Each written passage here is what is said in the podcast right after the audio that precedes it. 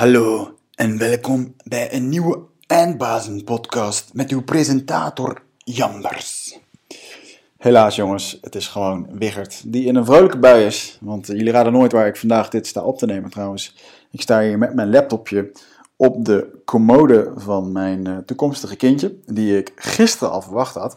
Dus ik verwacht binnen nu 24 uur, 48 uur, verwacht ik toch een ooievaar die hier met een uh, noodgang naar binnen komt vliegen om mijn uh, prachtige dochtertje uh, hier af te leveren. Dus ik sta nu nog eventjes, ik zocht een stille ruimte in het huis. Die zullen straks moeilijker zijn om te vinden. Maar nu sta ik dus in een kinderkamer met veel roze knuffels en andere dingen.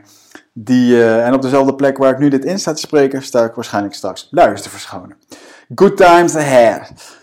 Tof dat jullie weer luisteren naar een nieuwe podcast. Dit keer met een waanzinnige eindbaas Inzo van Zanten van het chocolademerk Tony's Chocoloni. En uh, daar ga ik jullie zo meteen even wat meer over vertellen. Uh, wat wel heel gaaf is, is dat we in dit uh, gesprek hebben we iets voor elkaar weten te krijgen waar ik het nu over ga hebben. En dat is op 26, ik zeg het verkeerd, 27 mei, 27 mei op een zondag organiseren wij de allereerste grote eindbasisshow in Amsterdam. En dat doen we in uh, Wicked Grounds, wat een fantastische locatie is. We hebben uh, 130 kaarten die we kunnen verkopen. Dus enigszins klein, maar wel heel erg gaaf. Want we kunnen ook nog een beetje interactie hebben met het publiek. Dat staat namelijk hoog aan het lijstje. En dat doen we samen met sprekers. Sprekers zoals Paul Smit, de filosoof en cabaretier die eerder bij ons in de studio is geweest. Nou, die heeft natuurlijk een hele non-dualistische inslag uh, over het thema waar we het over gaan hebben. En dat is namelijk geluk. Uh, als we mensen vragen, en ook wat ik aan jullie kan vragen. Ja, wat willen nou eigenlijk in het leven? Dan zullen de meesten zeggen, ja, ik wil gewoon gelukkig zijn. Oké, maar wat betekent dat dan, jongens? En dus er zijn heel veel verschillende visies op. Uh, volgens Paul gebeurt geluk gewoon. Volgens Casper uh, van der Meulen, onze andere spreker, de biohacker, die in zijn uh, onderbroek, ik zeggen, in zijn zwembroek, door de bergen van Polen loopt, uh, uh, erg bezig is met Wim Hof. En op die manier zijn, zijn, zijn, zijn brein eigenlijk heeft weten te controleren. Hij zegt dan ook dat je brein de afstandsbediening is van je lichaam. En mijn vraag aan hem is dan ook: zit er dan ook eigenlijk een knop op die afstandsbediening voor meer geluk? Dan hebben we uh, een andere spreker. En uh, ik kan het wel een beetje verklappen. Die komt voort uit deze podcast. En dat is Inzo namelijk zelf. en ik ga Inzo zelf eventjes laten vertellen zometeen in de podcast. Um, hoe dat tot stand is gekomen, dat moet je maar even luisteren. Maar Inzo werkt bij een bedrijf, Tony Chocolonies, die ook echt wel bezig zijn met geluk.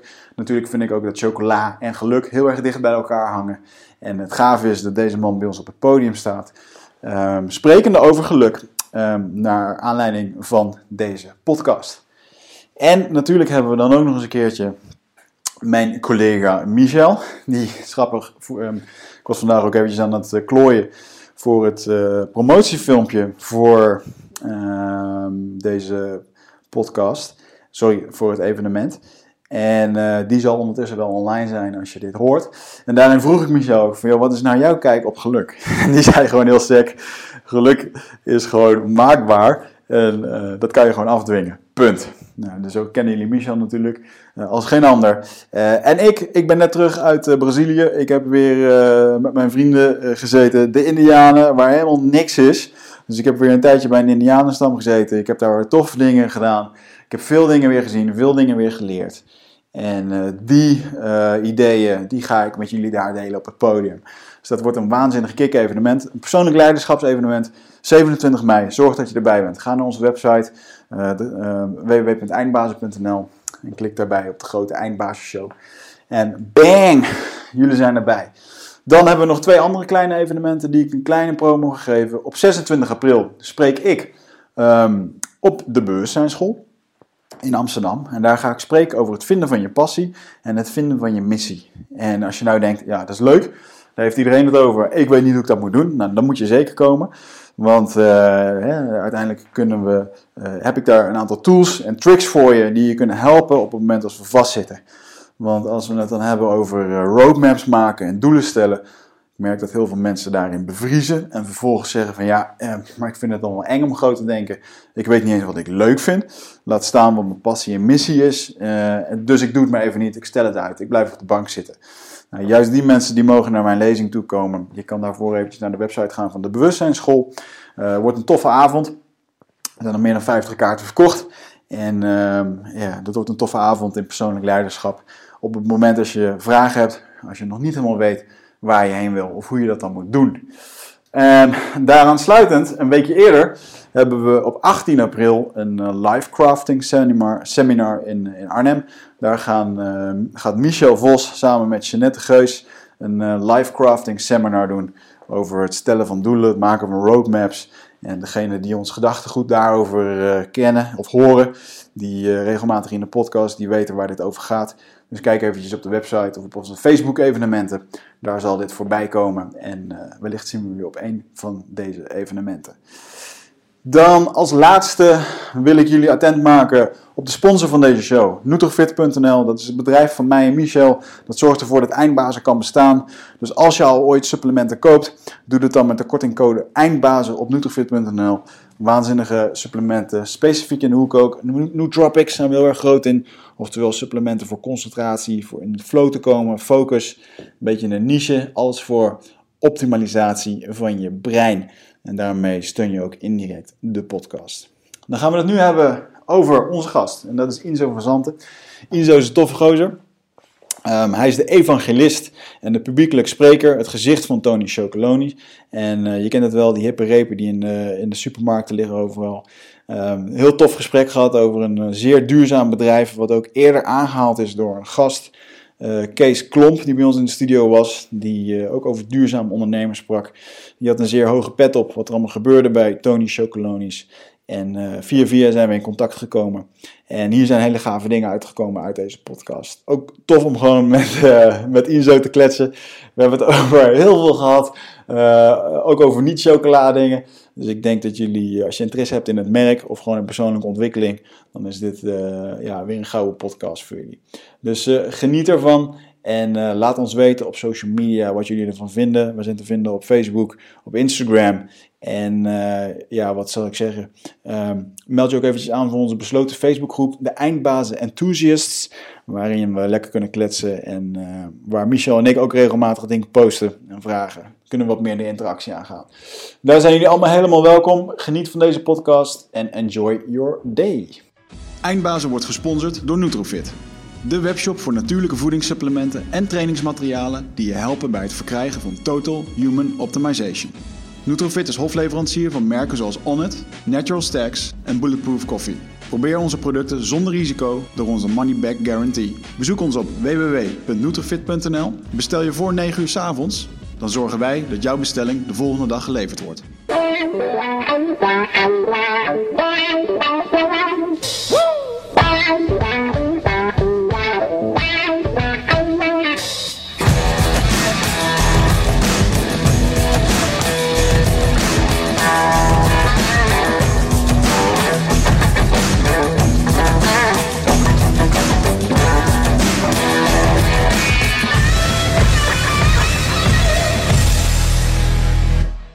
We hebben vandaag iemand in de studio die ons gaat interviewen, want hij heeft een notitieboek gemaakt ja, voor zich. Mooi. En uh, hij heeft zich ingelezen over ons, schijnbaar. Ben benieuwd. Nou, laten we beginnen. Oké, okay, cool. um, wacht even, ik zet deze even uit. Ik mag mijn telefoon niet uitzetten, want ik kan ieder moment gebeld worden dat ik naar het ziekenhuis moet. Een maand van tevoren? Naar het ziekenhuis moet. Dat is natuurlijk verschillend, we gaan thuis bevallen. Maand van tevoren. Ja. ja. jij gaat erbij staan en uh, je een beetje nutteloos voelen. Nee, nee, dat is niet waar. Ik heb gisteren dus een cursus gedaan. Een heuse cursus over hoe een man kan bijdragen op het moment dat het zover is, jongen. Mm -hmm. Door vooral uit de buurt te blijven, denk ik. En, ja. Uh, ja. ja. ja. Amper, toch was gewoon de uitkomst. Vooral niet op YouTube zitten, op je telefoon. nee, interessante materie wel. Um, Oké, okay, man. Wat uh, is het eerste wat er bij Eet jij wel chocola of niet? Jazeker. Wat is het eerste wat er bij jou opkomt als je aan chocola denkt? Um, eh, diabetes. En de mate Zeker in de hoeveelheden waar ik het eh, vroeger gecommuniceerd heb. Ja, ik weet niet man, het was echt eh, het snoepgoed van, van mijn jeugd. Als ik dan eh, wat zakgeld over had en zo, dan ging ik altijd van die eh, foute chocoladerepen bij de super halen. Die waren mooi goedkoop. Kon je lekker eh, klem in vreten. Ja. Lekker was dat altijd. Niet zo goed voor je huid trouwens op die leeftijd. Nee, maar niks werkt dan toch? Nee, nee, dat is waar. Alles is kansloos. Hè, Dus, Wit, melk of puur? Ah, melkchocola, ja. Eh, Dat was in het begin trouwens, want er moesten echt geen stukjes in mijn chocola zitten. Dat vond ik vies. En tegenwoordig eh, merk ik dat ik dat naarmate ik ouder word, begin ik dat lekkerder te vinden. Moeten er stukjes in zitten gewoon inmiddels. Nou, dat weer niet. Want de- de laatste eh, chocola-innovatie die ik zelf eh, toen heb geprobeerd, ik dacht van, oh, maar dit is verdacht lekker. Eh, zout door je chocola heen. Ja, maar Ja, het is Hollands favoriet geworden, hè? Is dat zo? Ja, die, Hey, die, karamel, karamelzeezout. Dit is, dit is te gevaarlijke, want dit is dus als ik eh, boodschap doen, doe ik vaak na de podcast. En dan is het zo een uurtje vier en dan heb ik honger, want ik heb natuurlijk hard gewerkt hier. En dan eh, loop ik eh, naar de supermarkt toe. Loop ik langs al die vakken en denk nee, nee, nee, ik koop het niet. En dan sta ik bij de kassa en dan liggen die oranje repen, waar jij het nu over hebt. Die liggen daar dan en dan denk ik, ja fuck it, voor in de auto, weet je. Eentje dan. ja. En dan heb ik, dan heb ik me weer schuldig gemaakt aan een, eh, aan een overheerlijke reep van Tony Chocolonies. En eh, ja, waanzinnig dat je vandaag in de studio bent. Jij als een van gelist eh, van het merk. Ehm, Leuk dat ik mag zijn. ja, Inzo van Zanten. Ehm, en jij- we hadden het er net al een beetje over. Jij bent degene die de verhalen vertelt eh, over dit merk. Ja. Eh, dat is ook hoe dat dit merk in de publiciteit komt en eigenlijk bekendheid vergaart. Ja. Jullie doen geen paid advertising, hadden je het net over. Dat is natuurlijk onwijs bijzonder. Want voor mij, jullie zitten overal. Als ik naar de... Ik bestelde de laatste keertje een chocolademelk bij de Coffee Company. En toen werd er een pak uitgeschonken van Tony Chocolonies eh, chocolademelk. En toen dacht ik, hè, dat hebben ze ook al gewoon. Ja. En gisteren had ik in één keer bij mij thuis Tony Chocoloni paaseieren staan. Dus eh, ja, mooi, eh, mooi om het allemaal zo terug te zien. Kan je jezelf eens even voorstellen en even ehm, vertellen wat, ehm, nou, wat je allemaal doet en eh, Ja. wat je doet bij Tony? Ja, ja, ja. Nou, ik ben Inzo. En ik ben de, zoals wij zeggen, choco-evangelist van Tony's. Wat eigenlijk inhoudt eh, dat ik het verhaal over Tony's, van Tony's... eh, en het verhaal over cacao en chocolade vertel over de hele wereld. Omdat, ja, omdat wij impact willen maken en een verschil kunnen maken of willen maken. Laat ik er eerst even wat nederiger mee eh, uit de bocht komen. Ehm, eh, en, ehm, eh, en wij geloven dat dat gaat door er aandacht aan te besteden. En niet zozeer op een, eh, in een reclameblokje van 20 seconden op televisie. Dat we een iets langer verhaal hebben dan dat ook. Ja. Dus dat is, dat is eigenlijk mijn job bij Tony's. Mijn eerste vraag, als ik zelf ook ondernemer ben, is dan... Ja, maar is dat dan ook mogelijk bij ieder merk? Kan ieder merk dat? Nou, ik denk dat ieder merk een verschil kan maken. Laten we dat eerst eh, eh, als uitgangspunt nemen. Ik denk, Ieder merk kan iets doen om deze wereld eh, beter te maken, mooier te maken. Ehm, en ik denk dat wij hebben aangetoond dat dat eigenlijk ook binnen industrieën kan waar je het van tevoren niet verwachtte. Ehm, en, en kan ieder, verhaal, of ieder bedrijf daarmee dus een verhaal vertellen? Ja, dat denk ik wel. Ja, want ik zat dus gisteren een beetje na te denken over... ehm, of ik zat het uit te leggen aan iemand. En eh, als je dan kijkt naar bijvoorbeeld de Max Havelaar koffie... Hè, die, die zorgen dat de boeren ook wat geld krijgen. Maar dan denk ik, als ik aan die marketingafdeling denk... dan zie ik daar een paar stoffige oude gasten zitten... en die dan ook zeggen... nee, het moet vooral heel biologisch overkomen. En dan denk ik aan jullie en dan denk ik... ja, daar zit gewoon daar zit een echt reclamebureau... met een goede marketinggeest... eh, wat een hele andere, hele andere taal spreekt. Ja, Wel heel bijzonder. ja. Hoe is Maar daar... ik denk niet dat wij per se een hele andere taal spreken. Ik denk dat wij misschien wel een taal spreken die mensen inmiddels niet meer verwachten van bedrijven. Dus, dus eh, we, hebben, we hebben denk ik in een jaar of honderd een situatie gecreëerd waarbij bedrijven eigenlijk naar je neerpraten. Hè? En volgens mij hebben wij gewoon een heel ja, een soort open, inclusieve stijl van communiceren. Ja. En, en, en dat wordt denk ik voor mensen als verfrissend, vernieuwend gezien. Terwijl het is volgens mij de manier hoe, nou, als jij en ik met elkaar zeg maar eh, in de kroeg aan de bar zouden zitten, Ja. zouden praten. Ja, En dat zijn we gewoon niet meer gewend. ja bijzonder. Ik zit even te denken of ik, dat, eh, of ik dat ook zo voel. Dat bedrijven op me neerpraten. Kun je dat eens illustreren met een voorbeeld? Nou, ik, weet je, ehm, ik, ik, hoe lang is het geleden dat jij een eh, eh, eh, label van een blikje frisdrank hebt gelezen? Mm, Een- ja, nee, dat is niet super recent. Klopt. Nee, toch? Nee. Nou, en dat is dus zo- zo'n zo'n verpakking. Ja, je neemt het als vanzelfsprekend. En stel dat er een keer een WK is, dan is die print van datzelfde cola blikje in één keer soort voetbalprintje geworden. Ja. En misschien staat er ergens een QR-code voor een iTunes liedje op wat je nog nooit geclaimd hebt. Ja. Ehm, en en eh, ik denk dus dat, dat hè, we zijn eigenlijk, er zit een disconnect met die bedrijven, volgens mij. En ik denk wat wij doen is gewoon die communicatie net iets aansprekender maken. Ehm, en omdat wij dus geen grote reclames doen of maken, dus steken we aandacht in het, het communiceren via nou, onze reep. En, eh, communiceren we graag mee. eh, online Ja. communiceren we veel. En eh onstage, nou, dat, dat doen we ook graag. Dat is waanzinnig sterk.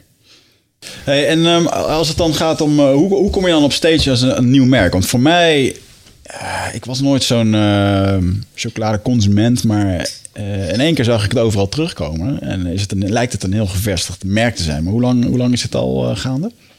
Nou, we zijn iets meer dan tien jaar bezig nu als bedrijf. Waarvan het de laatste vijf, zes jaar heel hard is gegaan. Eh, en we zijn nu in december zijn we in Nederland zelfs marktleider geworden. in, in aan tabletten, daar zijn we trots op. Meen je, joh. Ja, ja.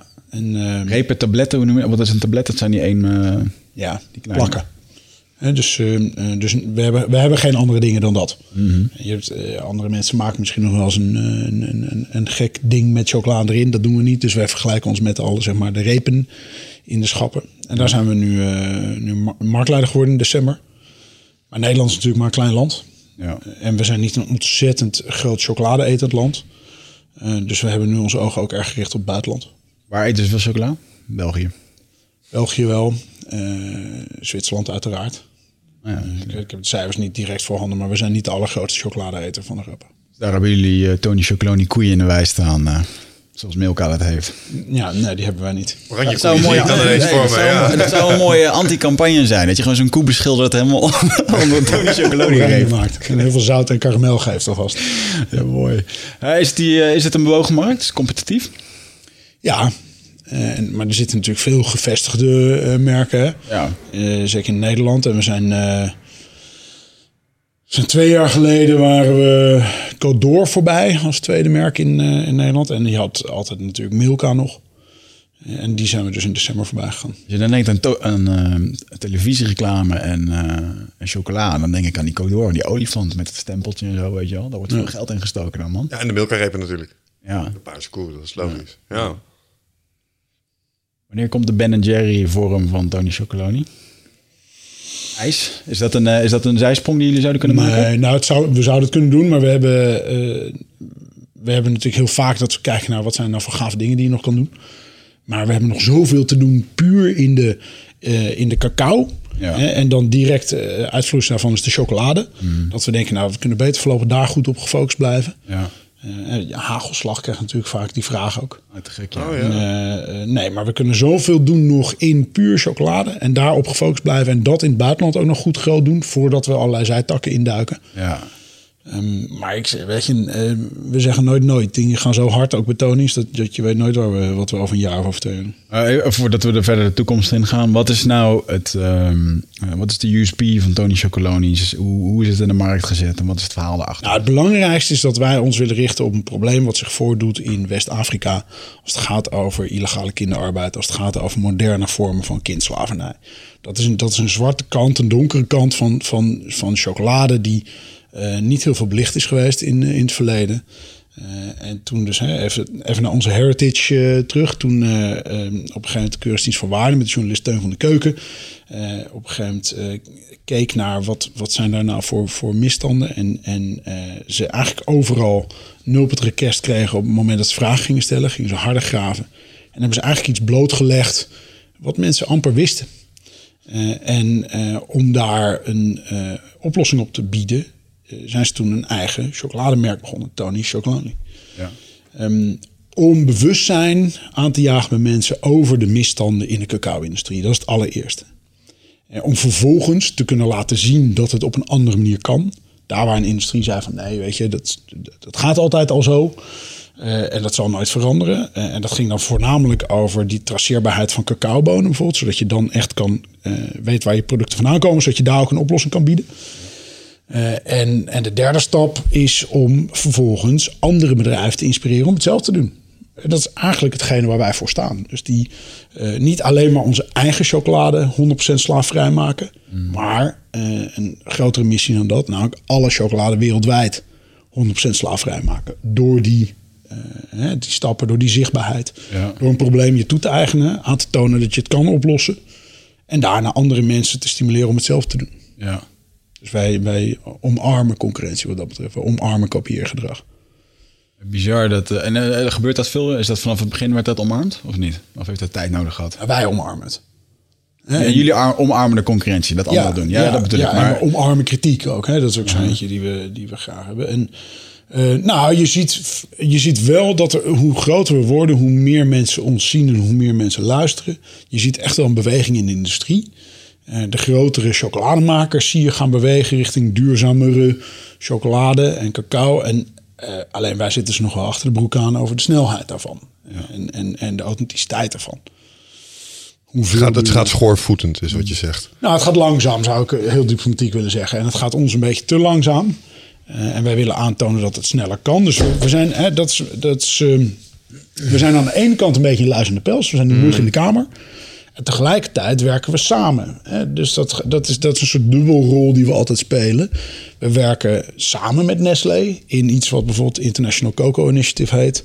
Eh, om met elkaar eh, een- systemen te implementeren ter plekke en gaan er niet voorkust om dingen te verbeteren. Ja. En tegelijkertijd zijn we ook kritisch en zeggen we jongens, je kan nog veel meer doen. Het kan nog veel scherper, het kan nog veel sneller. Ja, je bent in dat opzicht echt een disruptor in een bepaald segment. Want je gaat dingen beduidend anders doen. Denk je, want, want je, zegt- je zegt, ik uit, eh, ik uit mijn diplomatiek. Maar ik kan me echt voorstellen dat als je de gevestigde orde bent... en jullie komen ineens eh, het toneel opstappen en gaat dit doen... dat dat voor hen ergens ook wel gruwelijk frustrerend geweest is. Of denk je dat dat meevalt? Nou, misschien wel als we naar hun marktaandeelcijfers kijken. Ja. Eh, en, en onze groei daarin. Eh, en tegelijkertijd denk ik dat het ook goed is om mensen scherp te houden. En ik denk dat bedrijven het ook wel goed vinden om zo'n disruptor voorbij te zien komen. Om zelf weer eens eh, wakker te worden. Er was ooit, ik heb ooit een mooie gelezen, dat heet volgens mij het eh, zeilschip-paradox. dat toen de stoomboot kwam, eh, er in de, de eerste tien jaar tijd van de stoomboot meer innovaties zijn geweest op het gebied van zeilschepen dan in de honderden jaren daarvoor. Juist ja, omdat ja, zo'n disruptor ja. dus komt. Ja. Ehm, en dat je dan misschien wel wakker wordt en zegt: af, hè, misschien moeten we eens een keertje wat gaan veranderen.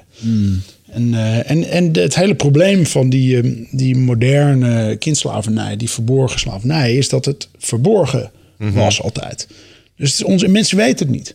Nou ja, je, je kan een probleem pas oplossen als je bewust bent van een probleem. En wat bedoel je met verborgen en in hoeverre eh, wist men het niet? Eh, Zeg je nou dat de consument van de chocoladereep, de, eh, de mensen niet daadwerkelijk zeg maar, dat werk onderzien doen voor belachelijke schrale lonen? Misschien kun je iets meer vertellen over hoe die slavernij Ja. er tegenwoordig uitziet. Ja. Maar, of bedoel je dat ehm, nou, de mensen die kochten hun grondstoffen in en je, ik hoorde je net zeggen iets over traceerbaarheid van bonen. Dus ze wisten niet zo goed waar het vandaan komt en ze konden zich achter die onwetendheid verstoppen als het Beide. Ging om de ethische... Ja, beide. Bij die beide aspecten zijn er. Oké. Dus je hebt aan de ene kant de consument.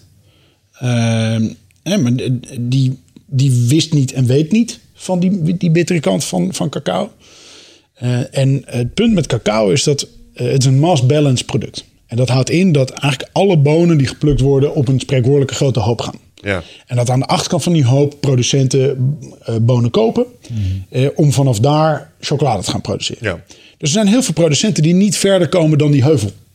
Die kopen gewoon op de wereldmarkt kopen ze cacaobonen in. En dat is waar hun waardeketen begint. Ja. Eh, nou, dat vinden wij vreemd. Wa- Want dan heb je dus niet een totale zichtbaarheid in die waardeketen. Wij vinden dat die waardeketen begint bij de cacaoboom. Hè, en dan de boer die, die het verbouwt en, eh, en het fermenteert en droogt en dan vervolgens verkoopt, et cetera. Daar, daar kan je veel verder door die waardeketen in. Alleen de industrie zei ze altijd, ja, dat kan helemaal niet, want je hebt die grote hoop, die spreekwoordelijke hoop. Eh, en vanaf daar nemen wij het af. Dus daar stopte vaak de verantwoordelijkheid van de industrie.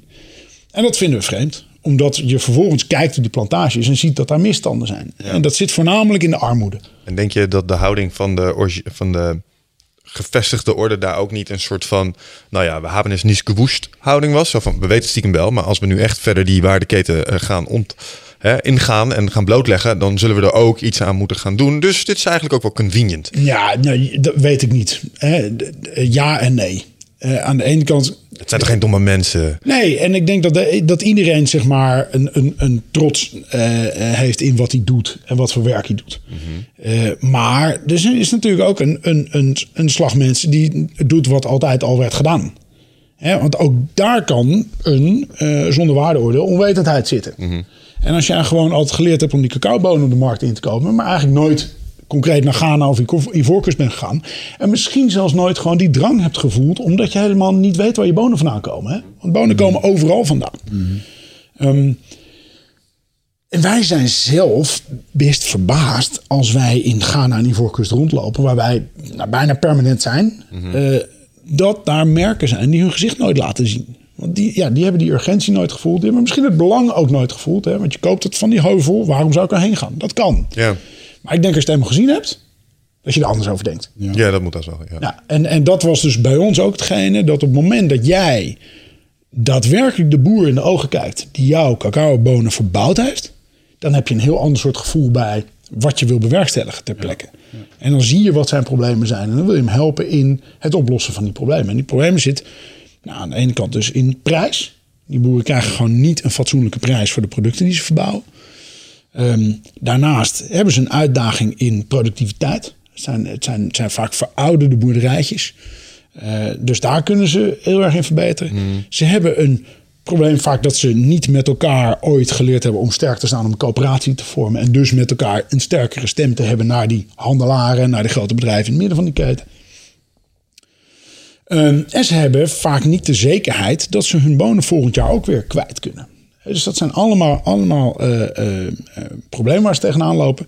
En daar zitten ze vaak in vast. Want ze kunnen net hun hoofd boven water houden. Eh, Ze leven gemiddeld van een 60 cent per dag, de boeren in eh Gaan, Ivoorkust. Om even te, illustra- te illustreren. Een gemiddelde cacaoboer verbouwt ongeveer 1000 kilo cacaobonen per jaar.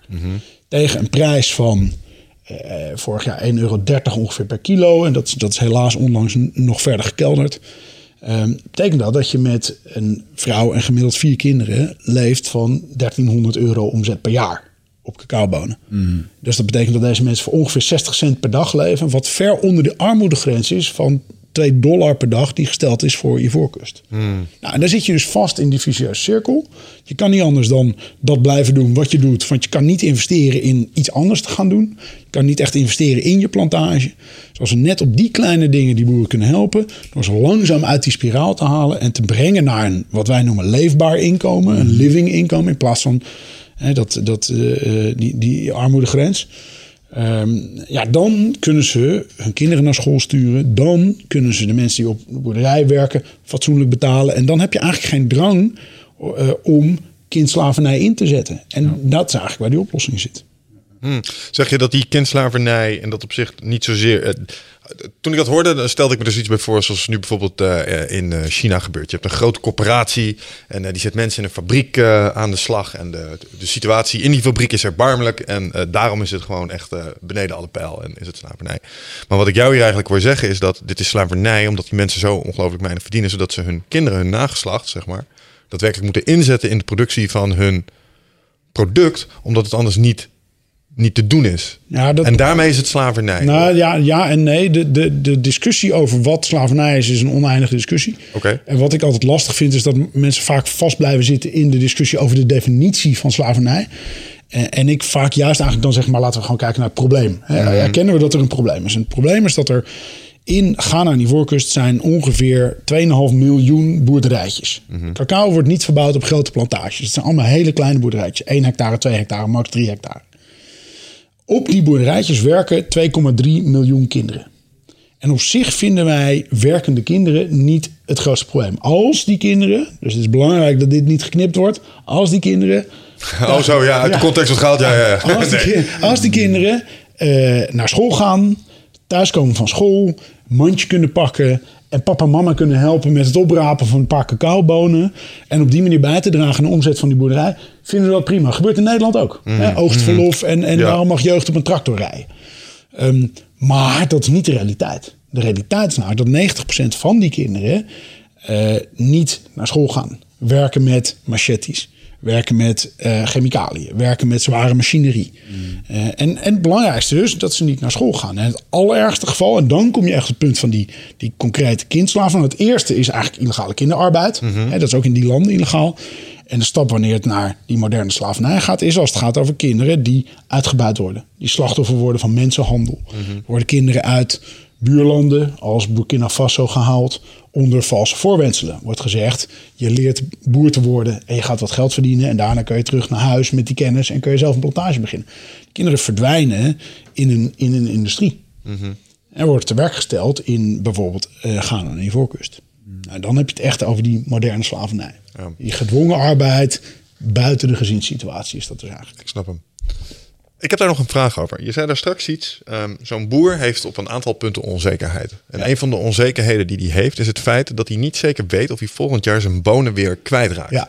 Wat gelet op wat ik je zojuist hoor zeggen over de vraag naar bonen en dat soort dingen. Dat lijkt me vreemd, want nou ja, er is een hele grote vraag naar. En die neemt volgens mij alleen maar toe. Dus waar zit die onzekerheid in? Zijn dat bedrijven die een soort van macht uitoefenen op die boertjes om hun onderhandelingspositie te verbeteren? Of hoe werkt dat? Nou, je hebt, eh, je hebt een grote voorraad cacaobonen ook nog eens in de wereld. Oké. Eh, dus eh, als je te veel druk erop zet, zou een producent kunnen zeggen: Nou, dan trek ik wel voorlopig even bonen aan mijn voorraad. Om maar even iets aan te geven. Ehm, en ja, er is een grote vraag naar, maar er zit ook een hele grote druk op. Hè, op, die, op die cacao. Wat een uitdaging voor die boeren is, als het gaat over die, die lange termijn gedachte en de lange termijn relatie, is dat heel veel van die boerderijtjes zijn verouderd. En wat je eigenlijk zou moeten doen, is bomen vernieuwen. En om een boom te vernieuwen, ga je eigenlijk van stekje naar vruchtgevende boom, duurt een jaar of vijf. En die tijd hebben die boeren vaak niet. Nog het geld om dat erin te investeren.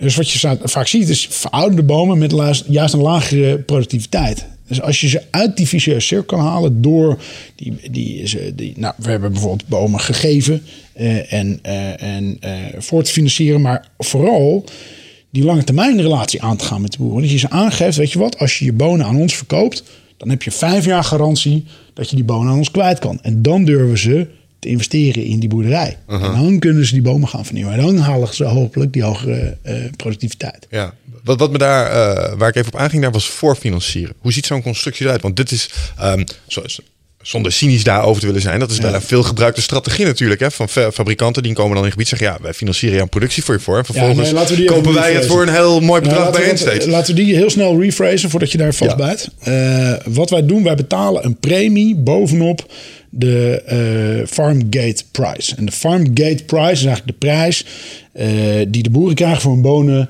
vanaf het hek van de farm. Ja, en dat wordt vastgesteld door de overheden van Ghana en Ivoorkust, die prijs. Wat wij doen, wij betalen, eh, Fairtrade betaalt daar een premie bovenop. Wij zijn Fairtrade gecertificeerd. We werken dus ook met Fairtrade gecertificeerde eh coöperaties Dat samen. is een soort waarborgmerk, hè? Even Ja, voor- ja, ja. ja. Dus die Max Havelaar waar je het net over had. Eh, en eh, die betalen eh, ongeveer, dat, dat zorgt voor ongeveer een premie van zo'n 10%. Bovenop die farmgate prijs. Dat is niet genoeg om naar die living income te komen. Oké. Dus wij, hebben, wij berekenen eigenlijk constant wat is dan dat living income waar we naartoe willen. En er zijn een paar factoren waarmee we die boeren kunnen helpen om daar te komen. En eentje is simpelweg premie. Meer betalen. Dus wij betalen nog eens een premie van zo'n, nou dat wisselt 15, 20, 25 procent. Dat wordt dit jaar meer, want ik vertelde net al dat die, die prijs is gekelderd. Dus hebben gezegd, hoe kunnen we dat nou helpen door nog een hogere premie te betalen. Eh, dus wij betalen SEC al een hogere premie. En die premie gaat naar de coöperaties van die boeren. En, en daar kan je op verschillende manieren die boeren ondersteunen. Eén is direct cash op zeg maar, eh, de bonen die je verkoopt. Maar ook eh, ondersteuning van via Natura bijvoorbeeld. Kunstmest en dergelijke dingen. Wat vaak gunstiger is, slimmer is dan ook direct cash te geven. En de andere is om die coöperaties te helpen professionaliseren. Want daar hebben ze ook vaak hulp bij nodig. Eh, een andere is eh, eh, onderwijs voor de vrouwen van die boeren. Of die vrouwen te enabelen bijvoorbeeld om een kippenboerderijtje te beginnen bij de cacaoplantage van haar man. Eh, een andere is om gezondheidszorg. Dus je hebt heel veel aspecten waarmee je ze kan helpen, die niet direct alleen maar cash verbonden zijn. En dat heeft dus dat heeft wat dat betreft niets te maken met voorfinancieren. Het heeft te maken met nee, faire prijs betalen op de bonen die ze op dat moment verkopen. Ja. En door daar een faire prijs voor te krijgen, een eerlijke prijs, eh, verdeeld over verschillende facetten, eh, kan je ze langzaam helpen uit die vicieuze cirkel. En die coöperaties waar je het over had. Hè? Want je zei eh, in het begin van, joh, die, die boeren daar hebben nooit echt geleerd om, dat, eh, om zichzelf op die manier te organiseren. Ehm, hoe zijn die corporaties nu inmiddels tot stand gekomen? Is dat mede door het Hulp van het Westen of onder andere de jullie? Of hoe Ja, dat, dat, dat, uit? dat weet ik niet zeker. Ik weet niet zeker hoe de coöperaties tot stand zijn gekomen. Ze zijn er. En er zijn er honderden. Eh, en sommige zijn wel Fairtrade gecertificeerd, andere niet. Ja. Eh, en wij eh, ik praten met de coöperaties. We zijn nu werken we samen met zes coöperaties in Ghana aan die voorkust. Eh, en wat wij doen, wij helpen die coöperaties. Hè, we, we- trouwens, wel belangrijk om te weten, we willen ook niet dat ze volledig van ons afhankelijk worden. Ja. Voor geen enkele eh, ondernemer gezond. Eh, dus daar kijken we ook naar, oké, hoe kunnen we dit verdelen? Wat, wat is de raadsel? En, en we gaan met hun in gesprek over wat kunnen jullie nou doen? Wat kunnen jullie doen met die premie die we betalen eh, via jullie aan die boeren en aan jullie direct? Wat hebben jullie nodig? En eh, bijvoorbeeld kan het ook zijn om ze gewoon te helpen in, in eh management training, om maar eens iets te noemen. Financial management, et cetera. et Ah, ja, ja. Van die coöperaties zelf.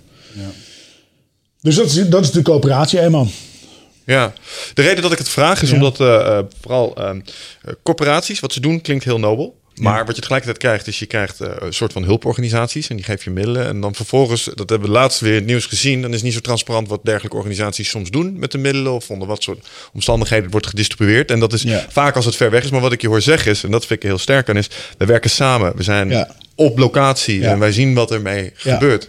Ja, ik heb net eh, drie weken geleden, vier weken geleden, zat ik in Ivoorkust met de coöperatie te praten over wat zijn hun plannen komend jaar. eh, wat ze gaan doen met eh, de Fairtrade premie en wat ze gaan doen met de Tonis premie. En de- wij vinden wel belegd bij de verantwoordelijkheid bij hun. En we vinden dat zij mogen bepalen wat zij met dat geld doen. Het zijn hun bonen die zij verkocht hebben, hun premie die zij verdiend hebben. Ehm, maar we proberen ze wel te helpen hè, op wat voor vlakken, wat is nuttig, wat is goede ontwikkeling. En hoe kunnen ze überhaupt helpen. En als, eh, als daar zeg maar een, een eh, glimmende Bugatti Veyron uit zou komen, dat is natuurlijk niet helemaal het idee wat daar... Het is wel lastig. Ik bedoel, eh, Nou, die wegen zijn er niet zo goed. Anders was het wel oké geweest, ja. wel goedkope olie. maar als ik dan ik terugkijk naar... ehm, eh, ik doe zelf ook mijn eigen eh, ontwikkelingsdingetjes. Ik heb een paar weken geleden zonnepanelen bij een indianenstam in de Amazone neergezet. En dat deden we echt met een heel team met ondersteuning van... oké, hoe gaan we dit dan doen? Hoe kan je het beste doen? En voorheen werd er gewoon geld ingezameld, eh, gedoneerd... en werd dat een soort van overhandigd. Zie je, we hebben geld voor jullie ingezameld. En dan merk je eigenlijk dat iemand die gewoon helemaal geen managementverstand heeft... of überhaupt, sterker nog, in een plek waar 30 jaar geleden geen eens geld bestond... Ja. Die kun je niet met een zak geld geven van jongens, regel het even. Exact. Dus om nu daar een heel project neer te zetten, met mensen naartoe te sturen. En, en ik heb ze daar echt eh, gezien dat daar mensen waren die verstand hadden van zonnepanelen neerzetten. Die dan echt zaten uit te leggen, dit is het blauwe draadje van de elektriciteit. Ja, ja, ja. Er is sinds 2018, sinds 2018 eh, weet je wel, is er gewoon nog nooit elektriciteit geweest. Ja, dan moet je niet straks een Indiaan hebben die dat ding even op zijn tong zet. eh, Ja, omdat hij Ik wou het denkt, zeggen. We hebben, wij ondersteunen de Best Farmer en Best Young Farmer Award. Hè, om ze te stimuleren om, eh, om eigenlijk nieuwe technieken te omarmen. Eh, en eh, wat is er beter dan dat je buurman het lekker doet en dat af te kijken. Maar spreken, dat is ja. En die won, volgens mij was het vorig jaar of twee jaar geleden, een televisie. Maar deze man woonde in een dorpje waar geen elektriciteit was. oh ja. Dus die televisie heeft daar 1, 2 jaar eh, niks gedaan. Vervolgens is er gewoon heel hard gewerkt om te zorgen dat eh, dat dorpje elektriciteit krijgt. Dat is eigenlijk gebaseerd op het feit dat die ene man die televisie had. Hilarisch. eh, doorgetrokken. en nu kunnen ze met z'n allen daar eh, achter zijn tv eh, gaan zitten. Maar dat, dit kom je tegen inderdaad. Ja, Ja. ja. ja, een andere anekdote vond ik wel mooi dat ze dan. stroom die ze daar hebben, is dat ze. ehm, ehm, als het in de jungle donker is, om half zeven is het gewoon donker. Dan kan je gewoon niks doen. En dan zit je in een omgeving waar alles kruipt en eh, Ja. steekt. En eh, joh, die mensen die zaten altijd met de, met de vrouwen zaten dan. De vrije tijd van de vrouwen is gewoon dat je kleding gaat maken voor de man. Dus die zitten dan met te weven met zo'n zaklamp in de nek die ze dan moesten opladen. Want als ze dan batterijen halen, die batterijen die waren op, die gooien ze gewoon in de jungle. Want ze hebben ook geen vuilstort of zo. Ja. Joh, dat is echt zo makkelijk om daar eh, de boel te verpesten met, eh, met onze moderne technologie. ja. Ja, daar denken mensen niet bij na.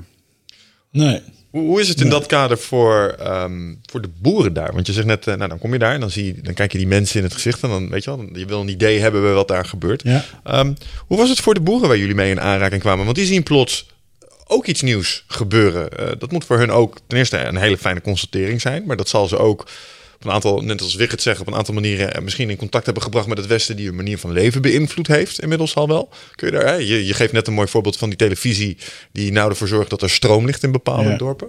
Ja. Kun je daar eens iets over vertellen?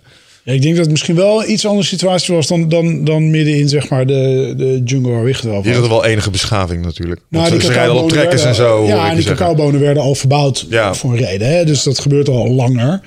Ehm, eh, Komen cacaobonen daar ook vandaan? nee, komen uit, eh, uit Zuid-Amerika. Oorspronkelijk komt cacao uit, eh, uit Zuid-Amerika. Mooi. En eh, dat, is, dat is naar Afrika meegenomen. En nu komt, hou je vast, maar liefst 60% van alle cacao ter wereld uit die twee kleine landjes Ghana en Ivoorkust. Nou, kleine landjes. Dus het komt een beetje uit Azië, een beetje uit Midden- en Zuid-Amerika. En nu, nu tegenwoordig komt het leeuwendeel uit, uit Afrika. Ja. Maar dat komt niet oorspronkelijk vandaan. Nee, het is, is eh, om helemaal te graven. Het komt een chocolatel, volgens mij. Eh, en dat was een bittere chocoladedrank van de Inca's. Huh? En, eh enfin, dat Wie hebben het, wie hebben het meegenomen naar Afrika? Cacao, De Spanjaarden. cacaovrucht heb ik eigenlijk in, heb ik in de jungle gegeten. Echt gewoon zo'n oranje kokon of zo. En Ja, en heb je gesabbeld op die, eh, lekker jongen, dat is ja. echt goed. Ja, het is een beetje een soort eh lychee-smaak is het. Heel Het is zoetig, heel eh, lekker. Ja. het En helemaal dan niks heb je... met- eigenlijk had het helemaal voor mijn gevoel niks met cacao te maken. Zo. Nee, nee, maar heb je toen ook dat boontje doorgeknakt? Eh, nee, want dat is dan weer heel bitter. Ja, maar die is, dan zie je zeg maar een beetje dat donkerpaarse van binnen. En daar. Uh-huh. daar is eigenlijk een beetje, daar begint die oorsprong van de kleur van chocolade. Dus, eh, dus die bonen die jij geproefd hebt, eigenlijk juist dat zoete van dat vliesje van eh, het vruchtvlees, eh, ja, dat laat ze fermenteren op het bandje. En, en, en dat zorgt bij elkaar uiteindelijk voor die smaak. Dus het wordt eerst gefermenteerd en daarna gedroogd. En dan, dan maken we er chocolade van. Hmm. Ehm, maar je had nog die vraag over, over die boeren. Ja, de- nou ja, twee dingen. Ik je net zeggen. De Spanjaarden hebben er dus voor gezorgd dat het naar Afrika kwam. Want dat Ja. ging even snel tussendoor. Dus Ja. dat, dat was eh, een interessante. En inderdaad, ik was benieuwd naar de impact ehm, op die boeren die nu plots zien dat er bedrijven in het Westen geïnteresseerd zijn in hoe het met ze gaat. En die komen langs. En dat was Ja. nieuw ten opzichte van hiervoor. Ja, ja.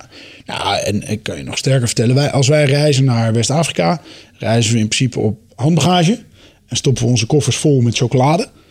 Eh, want we komen heel vaak daar ter plekke. hè, En dat er mensen zijn die al generaties cacao verbouwen. Maar die hebben nog nooit het eindproduct geproefd. Dat meen je. Ja, Dat dus dan delen we repen uit. Hilarisch. Ja, wat bij 30 graden ook nog een, eh, een- vraagt om wat snelheid van het uitdelen van die repen. Chocomel wordt. Ja. Een, eh, ja, goede airco in de auto houdt totdat je er bent. Ehm, eh, nou, en het is, het is eh, ja, ik kan er moeilijk volledig generalistisch over spreken. Hoe is dat voor die boeren? Nou, maar je kan wel. Je hebt iets van ervaring. Nou, wat ik, wat ik zag toen ik zelf in Ivoorkust was, is, is aan de ene kant een ontzettende trots op wat ze doen. En op wat voor moois ze maken en hoe ze dat doen. Eh, en ze zijn wel heel blij met eh, eh, hoe wij ze kunnen helpen. Terwijl we ze nog steeds gewoon in hun eigen kracht laten. Hè. We, we, we proberen daar niet te zeggen hoe het allemaal moet. Eh, maar wel wat tips en tricks te geven over wat wij geleerd hebben. Maar een prachtig voorbeeld vond ik, ik was daar met onze agronomist, Wiebe. Eh, agronomist betekent eigenlijk plantjeskenner. Hè? Dus, Wie eh, zit u thuis? Jongen, ja, jongen, ja, jongen. Ja, ik leg het waarschijnlijk helemaal verkeerd uit. Maar, maar het is heel mooi om daar eigenlijk een soort basic tips en tricks te zien. Want het, het- voelt heel logisch om veel bomen op je hectare te zetten, om Ja. even iets te noemen. Want veel bomen, veel opbrengst. Nou, als je die bomen iets meer ademruimte geeft, drie meter uit elkaar zet en om de zoveel bomen daar een schaduwboom tussen zet, want cacao houdt van schaduw, klimaat is aan het veranderen, het wordt warmer ook, nou, des te belangrijker die schaduw, dan levert die boom meer op. Heel concreet ding is als je twee cacao, cacaobonen groeien aan de stam van een boom. Dat is gaaf om te zien, hè? dus niet aan de tak, maar aan de stam. Ja, als er twee naast elkaar groeien, kan je als boer denken: ben ik blij mee. Er zijn twee bonen waar ik Ja. iets mee kan doen. Maar als je er eentje weghaalt, wordt die andere groter, beter, kun je betere chocolade van maken. Dus van die hele kleine tips en tricks. Eh, We leren het al van oma: snoeien het groeien of snoeien het bloeien. Nou, als je, als je daar ter plekke zegt: hak die takkers van je boom, dan zegt ze: je bent gek, we koesteren die boom al heel lang. Ja, dan gaat die boom meer opleveren. Of kap die boom eens gewoon en zet er een nieuwe neer. Deze is te oud aan het worden. Ja. Dus dat soort tips en tricks, dat is, dat is nuttig, dat is goed, maar het vergt tijd. Het vergt tijd en het vergt relatie bouwen. En dat Ja. is iets dat. Eh, je- het, is een, het is niet een verandering die je teweeg kan brengen met één, één hamerslag. Nee. Het is een lang proces. Het gaat over echt relatie bouwen. Dat kan alleen maar door daar veel ter plekke te zijn en, en, en, en vriendschap op te bouwen en daarmee eh, authority op te bouwen. En met elkaar dat te doen. Ja, moet ook wel, want je, je zit aan hun hoedanigheid. En ze moeten je wel echt vertrouwen. Willen zij Ja. het hebben, die boom omkappen? Weet ja, je wel? ja, precies, precies. En als jij daar in je, in, zeg maar, met, je, met, je, met je glimmende Nissan Patrol in je pak uit zou stappen met je glimmende... Eh, dat, is- dat, daar gaat het natuurlijk niet om. Het gaat om met elkaar, het gaat om begrip. Dus ook de, de mensen voor ons die dat doen, hebben ook heel veel ervaring gewoon ter plekke al. Ook, eh, ook voordat ze dit Ja. Misschien meer een vraag voor Wiebe dit, maar ik ga hem toch bij jou vragen. Eh, ehm, hoe zit het eigenlijk met cacao en eh, de noodzaak tot het wisselen van gewassen op het land? Een van de dingen die mij is geleerd is als je bijvoorbeeld alleen maar mais ergens neerzet, dan haalt het bepaalde voedingsstoffen uit de grond en Ja. die worden niet meer aangevuld. Dus Ja. je moet Ja. crop rotations en zo. Ja, dit zijn bomen. Ja, is Ja, anders. dat is anders. Oké. Dus die bomen eh, kan je niet elk jaar eh, kappen. Dat is niet een. hoe je moet nu gewoon nadenken. Is- Ik denk niet dat Wieber zou zeggen: het is een eenjaarsplant. Hè? Ehm, Mhm. ja, ja. Ik hoop dat hij thuis zit en trots op me is nu. Nee, dit zijn bomen. Maar ja, eh, diversiteit is, is belangrijk. Ook ter plekke op wat kan je wel en niet naast elkaar verbouwen. Oké, ja. Ehm, heel mooi voorbeeld, ook weer een paar weken geleden. Heel concreet. We lopen rond over een plantage. En, en, en Wiebe, ik ga hem hierna niet meer noemen. Ja, Nee, hij hierna sta, jongen. Ja, ik heb veel te veel credits nu. Ja, veel te veel credits. Ik wil straks even wat slecht zeggen over Wiebe. Ehm, hij, hij wijst op, hè, hij zegt, nou, er stond een ananas. En die ananas is niet handig, want die heeft een bepaalde luis of mijt die die aantrekt. En die, die, is, die is slecht om daar te plek te hebben bij die bomen. Eén groot voorbeeld. Ander voorbeeld, er stond een citrusboom. Een grote sinaasappelboom. Zo. Ik dacht, prachtig, mooi. Dat is een goede schaduwboom. Nou, dat is geen goede schaduwboom, want de citrusboom trekt eh mistletoe aan. Hè? Dus de, waar we in, met kerst onder mogen zoenen. Ja, wij zeggen ze zijn met de kussen op de plantage. Ja, Dus de, de- en, die, en die, eh, die, dat, die woekert. Dat is een enorme woekerplant. En daar kan je niet bij, dat is een parasiet.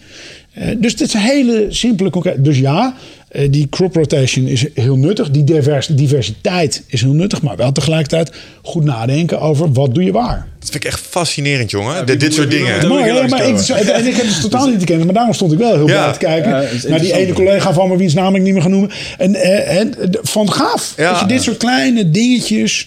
En dus het is heel mooi om dan op zo'n plantage dat te kunnen aantonen. Wat werkt wel, wat werkt niet. En dan hopelijk, dat, dat, dus, hè, dat begint bij één. En dat zijn buurman dan ook zegt, oh interessant, ook weer wat geleerd. Ja, dat van die planten. Dat, dat, dat sommige planten bijvoorbeeld bepaalde... Ik, ik weet dat ze dat bij sommige moestuintjes doen. Dan zetten ze bepaalde planten langs de kant neer. Ja. Want die eh, trekken weer bepaalde insecten aan. En die eten dan weer luis op, bijvoorbeeld. Ja. Of eh, ze de bepaalde geur en die jagen weer bepaalde insecten weg. Want dat vinden ze niet lekker ruiken.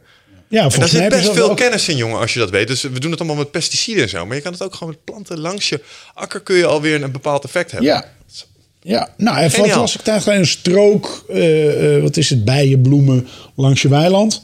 Hè, waar dan die bijen op afkomen, die Ja. vervolgens weer perfect eh, je weiland gaan bestaan. Maar ja, we zijn een beetje misschien te ver afgedreven. afgelopen nee, maar dat is leuk. Dat is is, een toffe eh, materie. ja. Ik, heb, ik ben ook wel heel erg geïnteresseerd geweest in cafeïne. Dat is hetzelfde met die cafeïnebonen. Als dat een kwartiertje minder zon heeft dan een andere 100 meter plantage, dan smaakt die cafeïneboon gewoon. Of de, ko- de koffieboon, die smaakt alweer gewoon anders. Ja, je Ja. hebt van die specialisten die kunnen proeven op welke heuvelkam van welk gebergte het heeft gestaan. want een bepaalde zuidergraad doet ook weer iets met de Maar, smaak. maar daar zit ook weer in. Dat gaat ook allemaal naar zo'n grote hoop. Ja. En dat, eh, dat branden ze dan zo ontzettend hard. We zijn een keer naar de koffiebranderij geweest, omdat we zelf eh, voor, ons, ehm, voor ons bedrijf een koffie wilden uitbrengen. Dat staat nog steeds op de roadmap.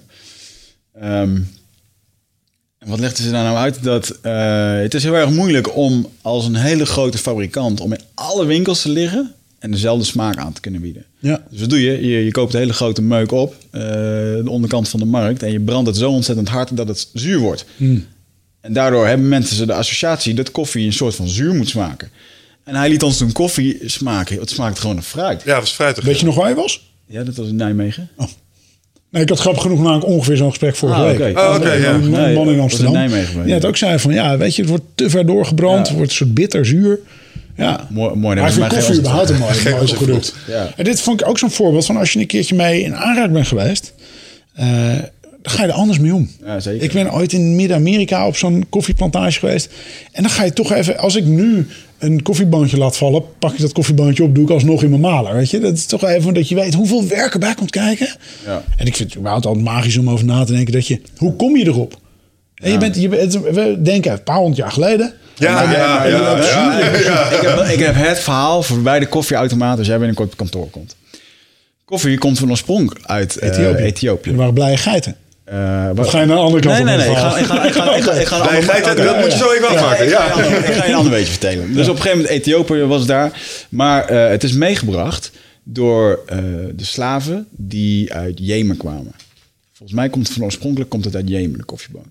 Slaven namen het mee naar Ethiopië. En op een gegeven moment eh, zaten die koffie te drinken. En op een gegeven moment kwam men erachter van, hé, hey, dit is lekker. Alleen Ethiopië had zo ontzettend weinig om te exporteren... dat dit eh, als een soort van heiligdom, het goud... dat was eigenlijk het goud van hun land... Eh, en wij met onze VOC waren natuurlijk lekker overal kruiden aan het veroveren. veroveren. Er werd gewoon oorlog gevoerd om, eh, om nootmuskaat. En, Ja, ja, eh, ja, ja, ja. weet je wel? Pultjes. Ja. En op een gegeven moment, er stond zelfs de doodstraf op het uitvoeren van die zaden of, eh, of bonen om dat te verspreiden.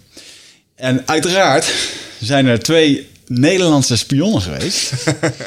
die die koffiebonen eh, hebben meegenomen naar eh, de VOC, naar, volgens mij naar Java. Nou, daar, komt, waren de eerste eh, Javaanse koffieplantages die daar vandaan kwamen.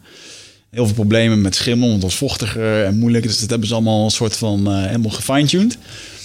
En wat ze toen hebben gedaan, op een gegeven moment was er heel lang vrede tussen Nederland en Frankrijk. En toen hebben ze als blijk van waardering, hebben ze Frankrijk een koffieboon gegeven. Een boom. Zo van, hier heb je een boom. Doe ermee wat je wil. Die is naar Frankrijk gekomen. En in Frankrijk hebben ze het eerste greenhouse opgezet om die koffieboom te cultiveren en verder helemaal uit te werken en eh, er iets moois van te maken. Vervolgens heeft Frankrijk eh, dat wat verder lopen, eh, hoe noem je dat? Wat groter lopen maken, meer bomen gemaakt. En die hebben op een gegeven moment iemand, daar is een dagboek van gevonden, ehm, op de boot gezet naar, dan moet ik even denken, een, een Zuid-Amerikaanse plaats, San, San, nog iets, waar al die slaven heen gingen. Ik weet het niet precies, maar naar Zuid-Amerika. En er is een dagboek gemaakt dat op een gegeven moment, dat geen, eh, door degene die die boom moest verzorgen, die was daar echt zo'n soort van, dit is jouw taak, ja. je moet levend blijven. You had one job. Ja, ja, ja, dik dood. En wat denk je? Dan zit je drie maanden op zijn boot te stinken met, eh, met allemaal van die andere eh, zeelui. En vervolgens was er geen wind. Dus heel lang dat het schip stond stil en er was geen water. Je kunt er ook geen zout water op gooien. Dus die man die heeft zijn eigen watervoorraad aan die boom gegeven. Om die boom levend te houden. En vervolgens is die boom in Zuid-Amerika gekomen. Dus als je nu aan mensen vraagt waar komt koffie aan? Ja, Zuid-Amerika. Dus je kijkt in de koelkast bij de Albert Heijn... dan zie je Zuid-Amerikaanse koffie, weet je wel. Maar het komt dus omdat het ene boompje... toch uiteindelijk via de Nederlanders daar terecht is gekomen. Dat is toch een waanzinnig verhaal? Geestig. Jij bent voortaan de man bij de koffieautomaat. Ja, ja, ja. We hebben toch ook weer inderdaad... jij dat? Dus ook weer vinger in de pap gehad als Nederlanders. Absoluut, ja, tuurlijk. Ja, ja, ja. Hoe sterk is eh, trouwens onze, in dat opzicht over de eh, goede oude VOC-dagen gesproken, onze invloed geweest eh, in, in die gebieden waar jij nu werkt? Ik, ik moet, moet, moet bekennen dat ik dat niet heel goed weet. Nee, want ik ik, ook niet. Ik ook niet. Nee, Kan ik je- kan daar, niet daar zit, want sommige Afrikaanse landen zijn een hele sterke Nederlandse invloed nog merkbaar. Ook als je kijkt naar de taal en dat soort dingen. Maar dat is in die regionen minder? Ik- Ik kan je niks over vertellen. Nee, oké. Verhaal, eh, ja. gaat mijn historische brein niet. Nee, nee, mijn ook niet. Zullen we de... Ik heb ondertussen een beetje honger gekregen. Zullen we de proeverij starten? Ja, Dan pak kan jij eens er wat bij vertellen. Ja, we hebben een hele... Er is een lading aan eh, chocolade meegekomen. Wij dachten eerst hij heeft zijn eigen lunch meegenomen. Ja, Dat is ook zo. Dat is ook zo, ja. Dus ehm, ja, ik ben benieuwd. Wat is het verhaal achter al die repen? Want we zien mooie gekleurde repen. Laten we beginnen met jouw favoriet. oranje was het hè? Oeh, nee, dat is Hollands favoriet. Hé, iedereen vindt karamel-zeezout de allerlekkerste. Die Ja, ja, ook, Hou hem voor de camera. Dan koopt ook eh, twee keer meer dan de eerstvolgende repen. Dat is, dat is gewoon de melkchocolade. We beginnen nu met het telcelgedeelte van de podcast. jullie wilden het. Gewoon Eh, verkopen, hup. Dus, eh, Commercieel. maar ik vind hem te zout. Dus dat is niet mijn persoonlijke favoriet. Mm. Nou, dan, moet ik even, dan, dan kwam daarna ehm, popcorn disco dip. Heb je die wel eens geproefd? Nee, Nee, wel die ik wist niet eens dat andere- wel, maar bestond. Ah, die is ook echt heel lekker. Heel lang mijn favoriet. Ik ben wel op oldschool, dus ik val vaak terug op eh hazelnoot. Doe het gewoon altijd goed. Ja. Maar, en dit is natuurlijk dit is echt vreselijk voor jullie. Dit is een beetje een dode mus. Ja. Want eh, er is nu ehm eh toffee pretzel. Donkere melk met toffee en pretzel. En die is echt zo gruwelijk lekker. Dat is mijn nieuwe beste vriend. Maar dat is leuk, leuk. Maar welke is die heb je Maar waarom was dit een dode Nee, is niet bij me. Nou, oh, nee, zo. ja, Dit is echt een niet bij me. De hele stapel bij me.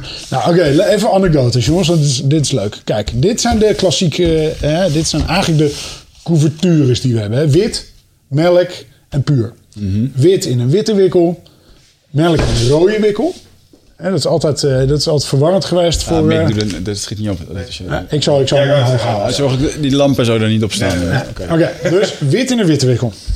Rood in een rode wikkel. En dit is natuurlijk altijd controversieel geweest in Nederland. Hè? Want eh, rood is niet van oorsprong de kleur van melkchocolade. Nee, dat Eh, puur cultureel gesproken. Dat is vooral in Nederland een issue. In Nederland hadden we altijd melk in blauw en puur in rood. Maar ja, toen destijds Tony Chocolonely begon... hadden we nog niet heel veel weet van de chocoladeindustrie. En wij wilden een reep lanceren in een alarmerende kleur. Om gewoon mensen wakker te maken over de misstanden in de cacao-industrie. En vandaar dat de allereerste reep Tony Chocolonely in een rode wikkel zat. Ja. Maar ja, dat was wel melkchocolade. En Ja. heel lastig voor mensen. Dus toen we daarna de pure lanceerden, deden we eigenlijk om gewoon diezelfde jennerij even door te zetten. Hebben we die in een blauwe wikkel gedaan. Maar daar zit wel iets leuks achter wat niet iedereen weet. Als je nou dit even ziet als de couverture. Couverture is vloeibare chocolade. Hè? Dus dan heb je wit, melk en puur. En tegenwoordig hebben wij dus ook donkere melk. Maar dat is even een ander verhaal. Dan zie je de witte wikkel, de rode wikkel, de blauwe wikkel. Dat is doorgetrokken vervolgens in de andere repen. eh, wat zeg maar de basiscouverture is. Dus ik kan direct nu zeggen wat melkchocolade is en wat pure chocolade. Want deze hebben de letters van Tony's in het rood. Ah, En dat is dus melkchocolade. Deze hebben de letters van Tony's in het blauw. En dat is dus pure chocolade. bang. Er Life zit dus wel een hacks. gedachte achter. Ja, ja, ja, dat, idee. Slim, slim. Oké, nou, ik heb honger gekregen. Ja, mooi. Nou, deze kennen jullie niet. Zijn jullie popcorn disco dip? Kijk, dit is ook eh, wel goed om even te zien. Wij hebben, eh, zoals ik net al zei, we maken geen reclame. We doen geen paid media. Eh, nou, dus dan, dan hou je, waar hou je over om dingen uit te leggen? Online, social media, onstage. Hè, dat is wat ik als evangelist vaak doe. En Henk Jan ook. En, eh, en, en Pascal. Eh, en onpack. En dit is een goed voorbeeld van onpack. Dus we hebben gewoon het verhaal van eh, chocolade en van onze repen... leggen we uit aan de binnenkant van een wikkel. Ja. Eh, duurzaamheid 1.0. Zetten we onder onze mailtjes, zetten we, hè, denk er even over na voordat je dit mailtje print. Eigenlijk nooit begrepen, want ik print nooit een mailtje. Nee, wie doet dat? Of, of dubbelzijdig printen ging ooit de wereld redden, hè, als het gaat over duurzaamheid. Nou, toen dachten we, nou vooruit, dan nemen we die wikkel en dan printen we aan de binnenkant ook gewoon dat verhaal. Want onze repen zijn eigenlijk, eh, je, je kent onze reep, hè? Ja, zeker. Ik, heb, ik, moet- ik, moet- ik, ik vind het toch grappig dat je dit nu vertelt. Want heel eerlijk, ik heb echt gewoon- ik scheur dan dat ding zo half open. Ik wist helemaal niet dat er wat aan de binnenkant zit. nou, voilà. Hè, dus dit heb je weer wat geleerd vandaag in ieder geval. Hè, onze repen zijn ongelijk verdeeld. Ja. Eh, nou, dat, dat, eh, daar was niet iedereen even blij mee op de eerste dag. Ik vind dat lastig soms, ja. Ja, nee, er was een legendarische anekdote van een, een, een, een moeder die ons mailde. Die zei, hè, voorheen leefden mijn kinderen in volstrekte harmonie. En jullie komen met die ongelijk verdeelde reep en het is alleen maar gekibbel. Nou, ik heb er eentje van 9 en eentje van 11. En ondanks dat ik mijn kelder vol heb liggen met Tony Chocolonely... ik zal niet, niet mijn adres direct Is een ruzie in Altijd gekibbel als die een groot stukje heeft. Want geen enkel stukje is even groot als een ander stukje binnen de reep. Maar vorig jaar waren er een paar econometriestudenten die dan met elkaar berekend hoe je de reep moet verdelen als je met twee, drie of vier mensen bent. En welke blokjes je dan. Geniaal. Een hele mooie studie zijn geweest. Ehm, die reep is ongelijk verdeeld. Waarom? Omdat eigenlijk die reep het verhaal van de cacao-industrie in zijn meest pure vorm vertelt. En omdat wij dus geen reclame maken, is het idee dat als je die reep opent met iemand die dat verhaal nog niet kent, kan jij zelf als consument dat verhaal vertellen aan die vent naast je. En leer je allebei over waarom dat is. Wat alleen niet veel mensen weten, nu gaan we even door in de anekdotetrein, is dat wij in onze reep ook de kaart van West-Afrika verstopt hebben. Ja, kijk, gaan we even kijken hoor. Even voor de camera en voor jullie. Dus dit is, dit is de eh, evenaar. Dit is de eerste keer dat ik geografieles krijg op een chocoladereep. Ja. Ja, dat is de beste manier om dingen te leren. Ja. hoor. ja, maar zo blijft het wel bij. Ja, iets, eh, iets naar deze kant met die Ja, chocoladereep? oké. Ja, ja. Evenaar, het zit linksonder in de reep. Evenaar. En dan heb je eh eh, Ghana en Ivoorkust. En heb je rechts heb je Nigeria en Cameroen. En dit blokje zijn Togo en Benin. En Togo en Benin hebben we samengevoegd als blokje. Waarom? Omdat in onze hazelnootreep anders nooit een hele hazelnoot in die landjes zouden passen. Ja. Dus dan moesten of die reep, eh, moesten of hazelnoten gaan verpoeieren. Aha. En, eh, of die landjes samenvoegen. Dus we hebben gewoon eh Togo en samengevoegd. Enfin, dus de hele kaart van West-Afrika zit in onze reep verstopt. Oké jongens, dit was nu genoeg. Lekker maken, nu mogen jullie gaan proeven. Ik vind het een briljant verhaal. Ik wil Togo. Eh, hier. Ik ga een heel land opeten. Ja, maar stiekem heb je toch altijd een voorkeur. Hè? Dit, dit is altijd mijn voorkeur geweest. Oké, het rondje. Ja. En kinderen gaan natuurlijk al meteen voor het grote blok. Ja, dus die mag naar Wigert. Eh, je sprak zojuist eh, jouw eerste indruk over mij uit. Oké, we're going for it. Nu mogen we wel in de microfoon kauwen een keer. Ik vind, die, ik vind deze heel lekker, want hij is best verrassend.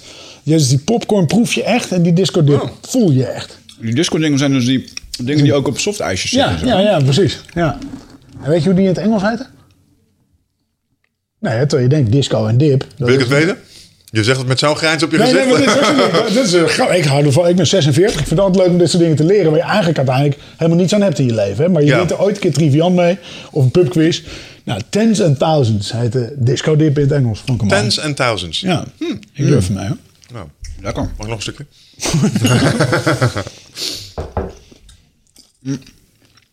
Wie, wie, wie bedenkt dit en hoe dik is die man? Oké. Mijn allerliefste collega, Eva, bedenkt het. Eva staat de hele dag in haar keukentje. Dat is het laboratorium, het hart van Tony's. Weegt 200 kilo. Nee, nee, geen eens. Nee, Eva is prachtig as she is.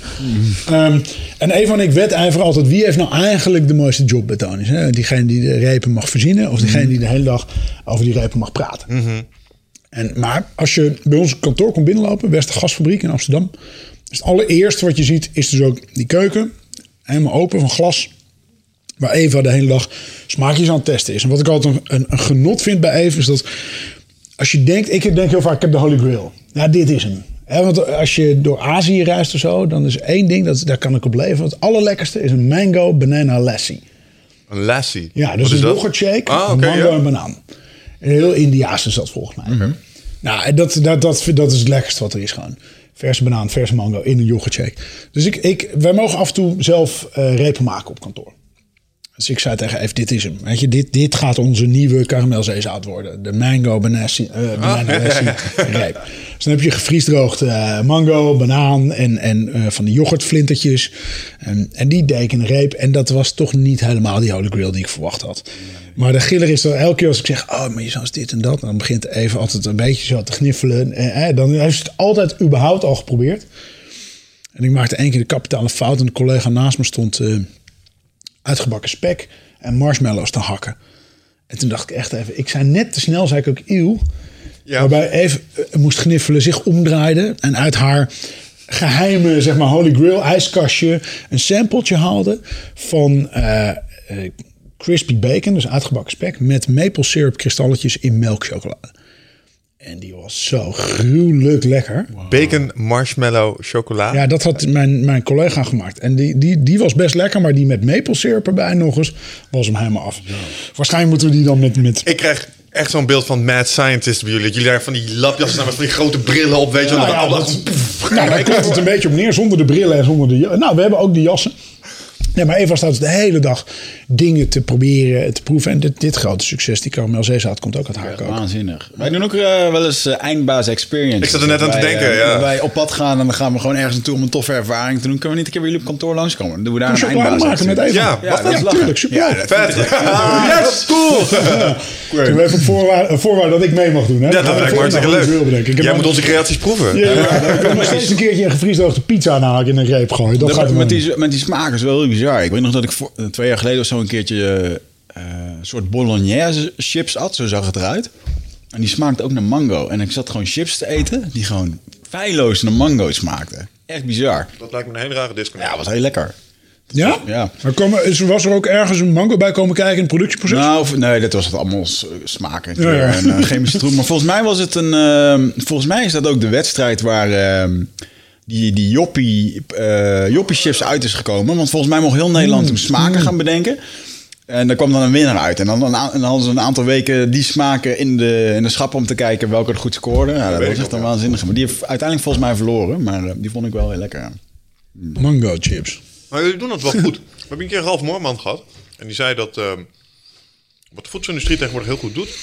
is allerlei smaaksensaties regelen, maar ook texturen. En ik denk dat dat ook een... ehm, dat- zoals ik merk nu, de popcorn textuur... Ja. anders dan de hazelnoot. is weer anders Ja. dan het zout. En Ja. dat doet ook iets in je beleving, merk ik. Nou ja, het prikkelt allerlei eh, dingen. Dus dat, zei, dat gaf hij toen aan van als jij een, eh, een handje amandelen eet, dan ben je na één handje uitgegeten.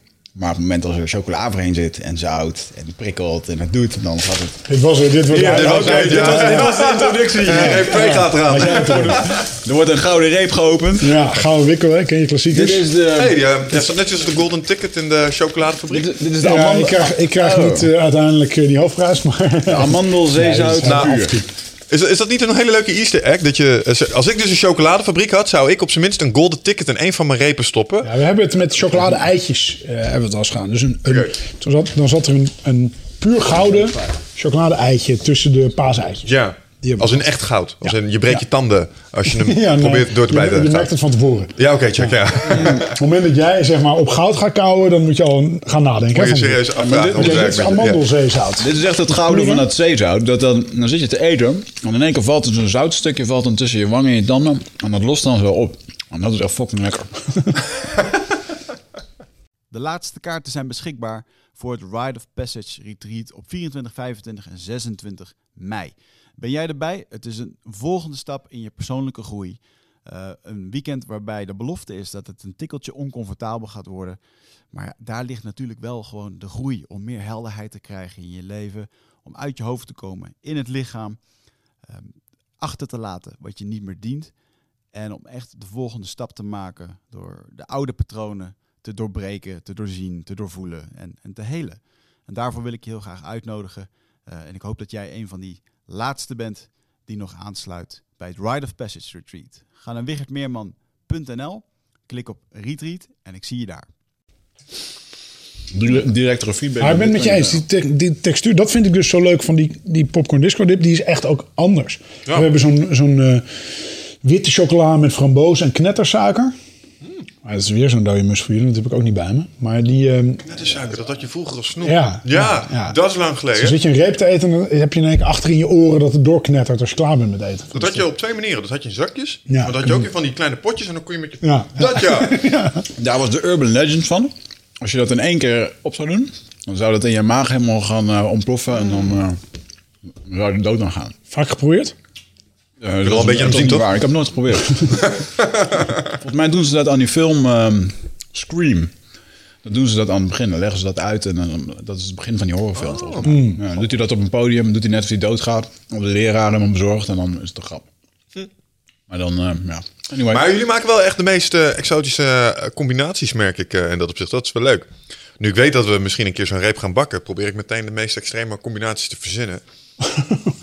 nou, misschien kan je, nog niet zo goed. Misschien kan je even van tevoren even bellen. Wat jouw favoriet... Wat, is, wat eet je het allerliefst? Gehaktballen. Nou, ja, gehaktballen chocoladereep. Gevriesdroogde ja, ik heb een collega, collega die had een keertje ham en eggs in, eh, in een reep. Nou ja, op dat moment kan bijna alles. We hebben een paar regeltjes op het moment dat je bij ons komt maken. Geen drank, geen drugs en geen pinda's. We blijven thuis. Waarom geen pinda's? Te cliché. Nou, kan je, eh, hè, dus de mensen met een enorme allergie. Dus we hebben dat gewoon niet in ons eh, proces. We hebben nooit in repen eh, pinda's zitten. Ja. Magic mushrooms? Hè, dat, zo- zolang je dat niet onder die drugs... eh, nou, misschien een keertje zo'n ayahuasca-reep, jongens. Kunnen jullie die... eh, Oh jee. De ayahuasca-reep, ja. said the word. ja, ja, dan is het goed. Ah, het, is dat je, het is dat je het zegt. Ik volg eh, een, eh, misschien een beetje saillant, maar ik volg een bepaalde koffieshop in, eh, uit Amsterdam, volg ik, Boerenjongens. En eh, die waren toevallig de afgelopen twee dagen heel erg met hun chocoladereep eh, aan het promoten. Gewoon edible cannabis, inderdaad. Dus eh, ja, dat is wel een, eh, dat is wel een goede markt. En we was twee jaar geleden en, eh, was het eh, onze 1 april grap dat de Tony's wietreep gelanceerd ging Ja. worden. Nou, je ziet het nu wel in Amerika. Het is de grootst groeiende industrie die ooit heeft bestaan. Hè? Die, omdat het nu allemaal gelegaliseerd wordt. Dus je zit nu inderdaad in Amerika. er zijn bijvoorbeeld nu wetten ingesteld dat een edible mag geen candy meer genoemd worden. Omdat kinderen dus eh, ja, candy gingen kopen. En vervolgens, eh, weet ik veel, er gaat veel te veel in. Joh. Daar kom je, kom je Ja, juist niet meer uit, weet je wel. Dus het mag geen snoep meer genoemd worden. Daar zijn die allemaal wetten voor. Het mag ook niet ehm, eh, met een drone vervoerd worden. Het moet dan allemaal dat soort industrieën ontstaan er nu vanwege dat. Dus Oh, je ja, mag geen. Uber starten, die met een drone eventjes ergens... Even wat, een eh, pakje wiet Ja, komt afleveren, ja. Maar bizar, eh, ja goed. eh, Ja, laat dat maar Amerikanen over. Als er, een, als in één keer een, een markt helemaal legaal is en ze mogen er lekker in gaan innoveren, nou dan komen er plots allerlei creatieve producten om de bocht te zeilen, denk ik. Ja. Ah, ja, dat ga ik een grapje met Joe Rogan. We hadden het van tevoren toch over die podcast. Die heeft een heel stuk in zijn stand-up comedy over het feit dat je nu die edibles hebt en dat zijn dan gummibeertjes. Weet je wel, en die zijn zo sterk dat één pootje van zo'n gummibeer is al genoeg om je zeg maar heb eh, de, de gezien, stratosfeer in te helpen. Ja, nou, dan, je kent het. Ja. Ja, dat mag allemaal niet, maar een AR-15 kopen om de hoek mag wel, hè? Ja, Ja, dat mag wel, ja. Wat mij wel... ehm, als ik denk, denk aan vroeger, wat zijn dan snoepjes die ik vroeger had? Ja, dat waren dan van die banaantjes. Of van die, eh, van die kikkertjes, weet je wel? ja. En wat je... Dat lijkt me wel heel nostalgisch. En dan een Tony Chocolonies met, een, met zo'n van die banaantjes. eh. Mooi was toen ik in de jungle was bij die Indianen. Toen gaven ze mij een, een echte banaan uit de jungle.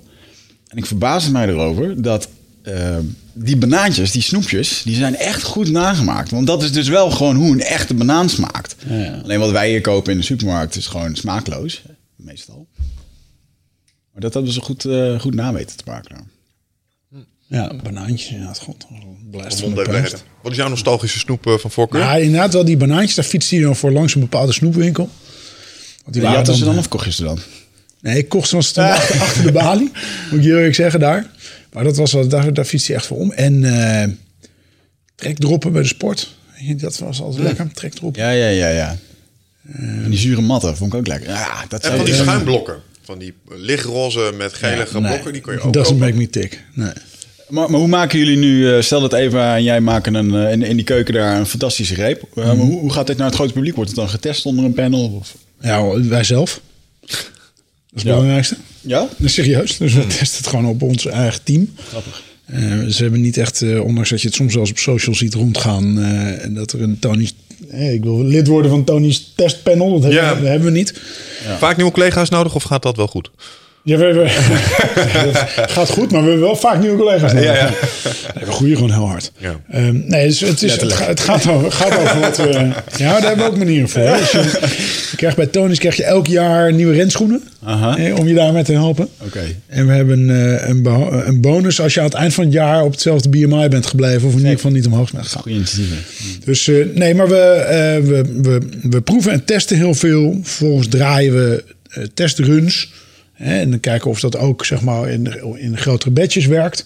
Ehm, en je moet natuurlijk gewoon goed doorrekenen of het uit kan. Hè? Als, als je ingrediënten te duur zijn, Ja, weet je dat gewoon niet. Ja. En dan vervolgens eh, wordt productie gedraaid. En we hebben verschillende. eh, we hebben bijvoorbeeld de limiteds. Eh, en eh, daarvan blijft er dan eentje. Laten mensen stemmen. Welke willen jullie houden? En op die manier kunnen we dus ook gewoon kijken wat wil men. Ja, slim. Waar worden de repen gemaakt? België. Eh Barry Callebaut is de grootste chocoladecouverturemaker ter wereld. Eh, eh, die eh, maakt bijna de helft van de, van de chocolade ter wereld. Die maakt ook onze chocolade. Ehm, en we hebben wel onze eigen lijn, hè, zodat dat hele traceerbare in stand blijft. En dan vervolgens, die maakt de couverture. En dan hebben we in België ook een paar partijen die onze repen afmaken. Dus dan maak je met die chocolade en de inclusies, zoals dat heet, wat je dus in de reep strooit. Ja. Gaat het in mallen en dan eh, vervolgens eh, verpakt. En dan, dan gaat het de wereld over. Dus in België. Dat vind ik ook altijd wel prettig als ik in België sta te praten over chocolade. Ja. Hè, dus natuurlijk zit je natuurlijk in het walhalla van eh, chocolade. Leg ik altijd als eerste ook uit. Je, jongens, maak je geen zorgen. We maken het hier. Ja, Belgen maken de chocolade. Je legt de fakkels neer, de riek kan ook terug, de pek en veren mogen Ja, terug. Wacht, wacht. Ja, ik zat toevallig net nog te denken toen wij eh, voor ons bedrijf, eh, voor onze supplementen, een eh, vervoerder zochten, een opslagplek. Toen eh, gingen we daarheen om te kijken of ze mogelijk wat voor ons konden doen. En toen zei ik van, joh, noem eens even een klant voor jullie op. En toen trok ze echt een doos open met allemaal van die Tony Chocolade repen. Zo, oké, nou, let's do it. Ja. Maar was dat Muller Transport? Nee, zoet er meer, missie. Misschien dat zij het voor de webshop doen voor jullie. Voor Ja, dat online zou ver- kunnen. Ja, ja. verzendingen en dat soort dingen. Dus ehm, ja. Hey, even een, eh, een sprongetje weg van eh, de chocola, maar niet helemaal, want het gaat over je organisatie. Ik hoorde je net wat leuke dingen zeggen over eh Toon Chocoloni Ja. zijnde bedrijf. Ik vind het heel mooi dat jullie mensen hardloopschoenen geven, een bonus, Ja. een BMI-bonus. Ehm, ik heb wat andere leuke dingen gelezen die jullie doen. Dus jullie hebben daar wel een hele duidelijke kijk op. Inspiratie, ontbijt, bootcamps, stoelmassage zag ik, niet rookbomers en een babyboete. Babybonus. Ja, nee, dat weet ik maar. Ja, zo wel. We hebben hier een babyboete namelijk. Je krijgt nog 200 euro van die man daar. Hoezo? Omdat ik Over de eerste maand, ben. toch? Nee, kun je daar iets meer over vertellen? Ik vond het heel interessant dat jullie een eh, aanmoedigingsbeleid hebben, bijvoorbeeld op, eh, nou, op het krijgen van kinderen. Ja. Ja, en, eh, en sterker nog, we, hebben, we zijn op de politiek vooruitgelopen. En ik heb zelf als vader van twee kinderen het al eigenlijk een, een, een belediging voor mijn vaderschap gevonden dat ik twee dagen vrij krijg. Ja. En denk ik, wacht even. Eh, de hoeksteen van de samenleving, twee dagen vrij. Ehm, eh, en dat is nu volgens mij vijf geworden. En, en, en dan kan je wat langer nog eh, quasi betaald verlof. Wij hebben daarop, zijn daarop vooruitgelopen en hebben vorig jaar gezegd... nou, vaders krijgen bij ons gewoon een maand betaald verlof. En omdat we niet willen discrimineren op geslacht... krijgt iedereen die maand. Dus, dus vrouwen krijgen die ook bovenop het verlof wat ze al hadden. Ja. Ehm, en we hebben bijvoorbeeld ook vorig jaar gezegd van, weet je, als we werken in een situatie van onderling vertrouwen en veiligheid, waarom zouden dan als iemand zeg maar in november zit en eh, heeft het optreden van zijn, eh, van zijn dochter in de musical op school en zegt ik heb geen vakantiedagen meer, kan er niet heen. Ja, dat vonden wij waanzin. Dus we hebben gezegd, weet je, we hadden al een ruimhartig vakantiebeleid, 28 dagen per jaar. Daarvan hebben we nu gezegd, in plaats van dat we zeggen maximaal 28 dagen per jaar, zeggen we dat moeten minimaal 28 dagen per jaar worden.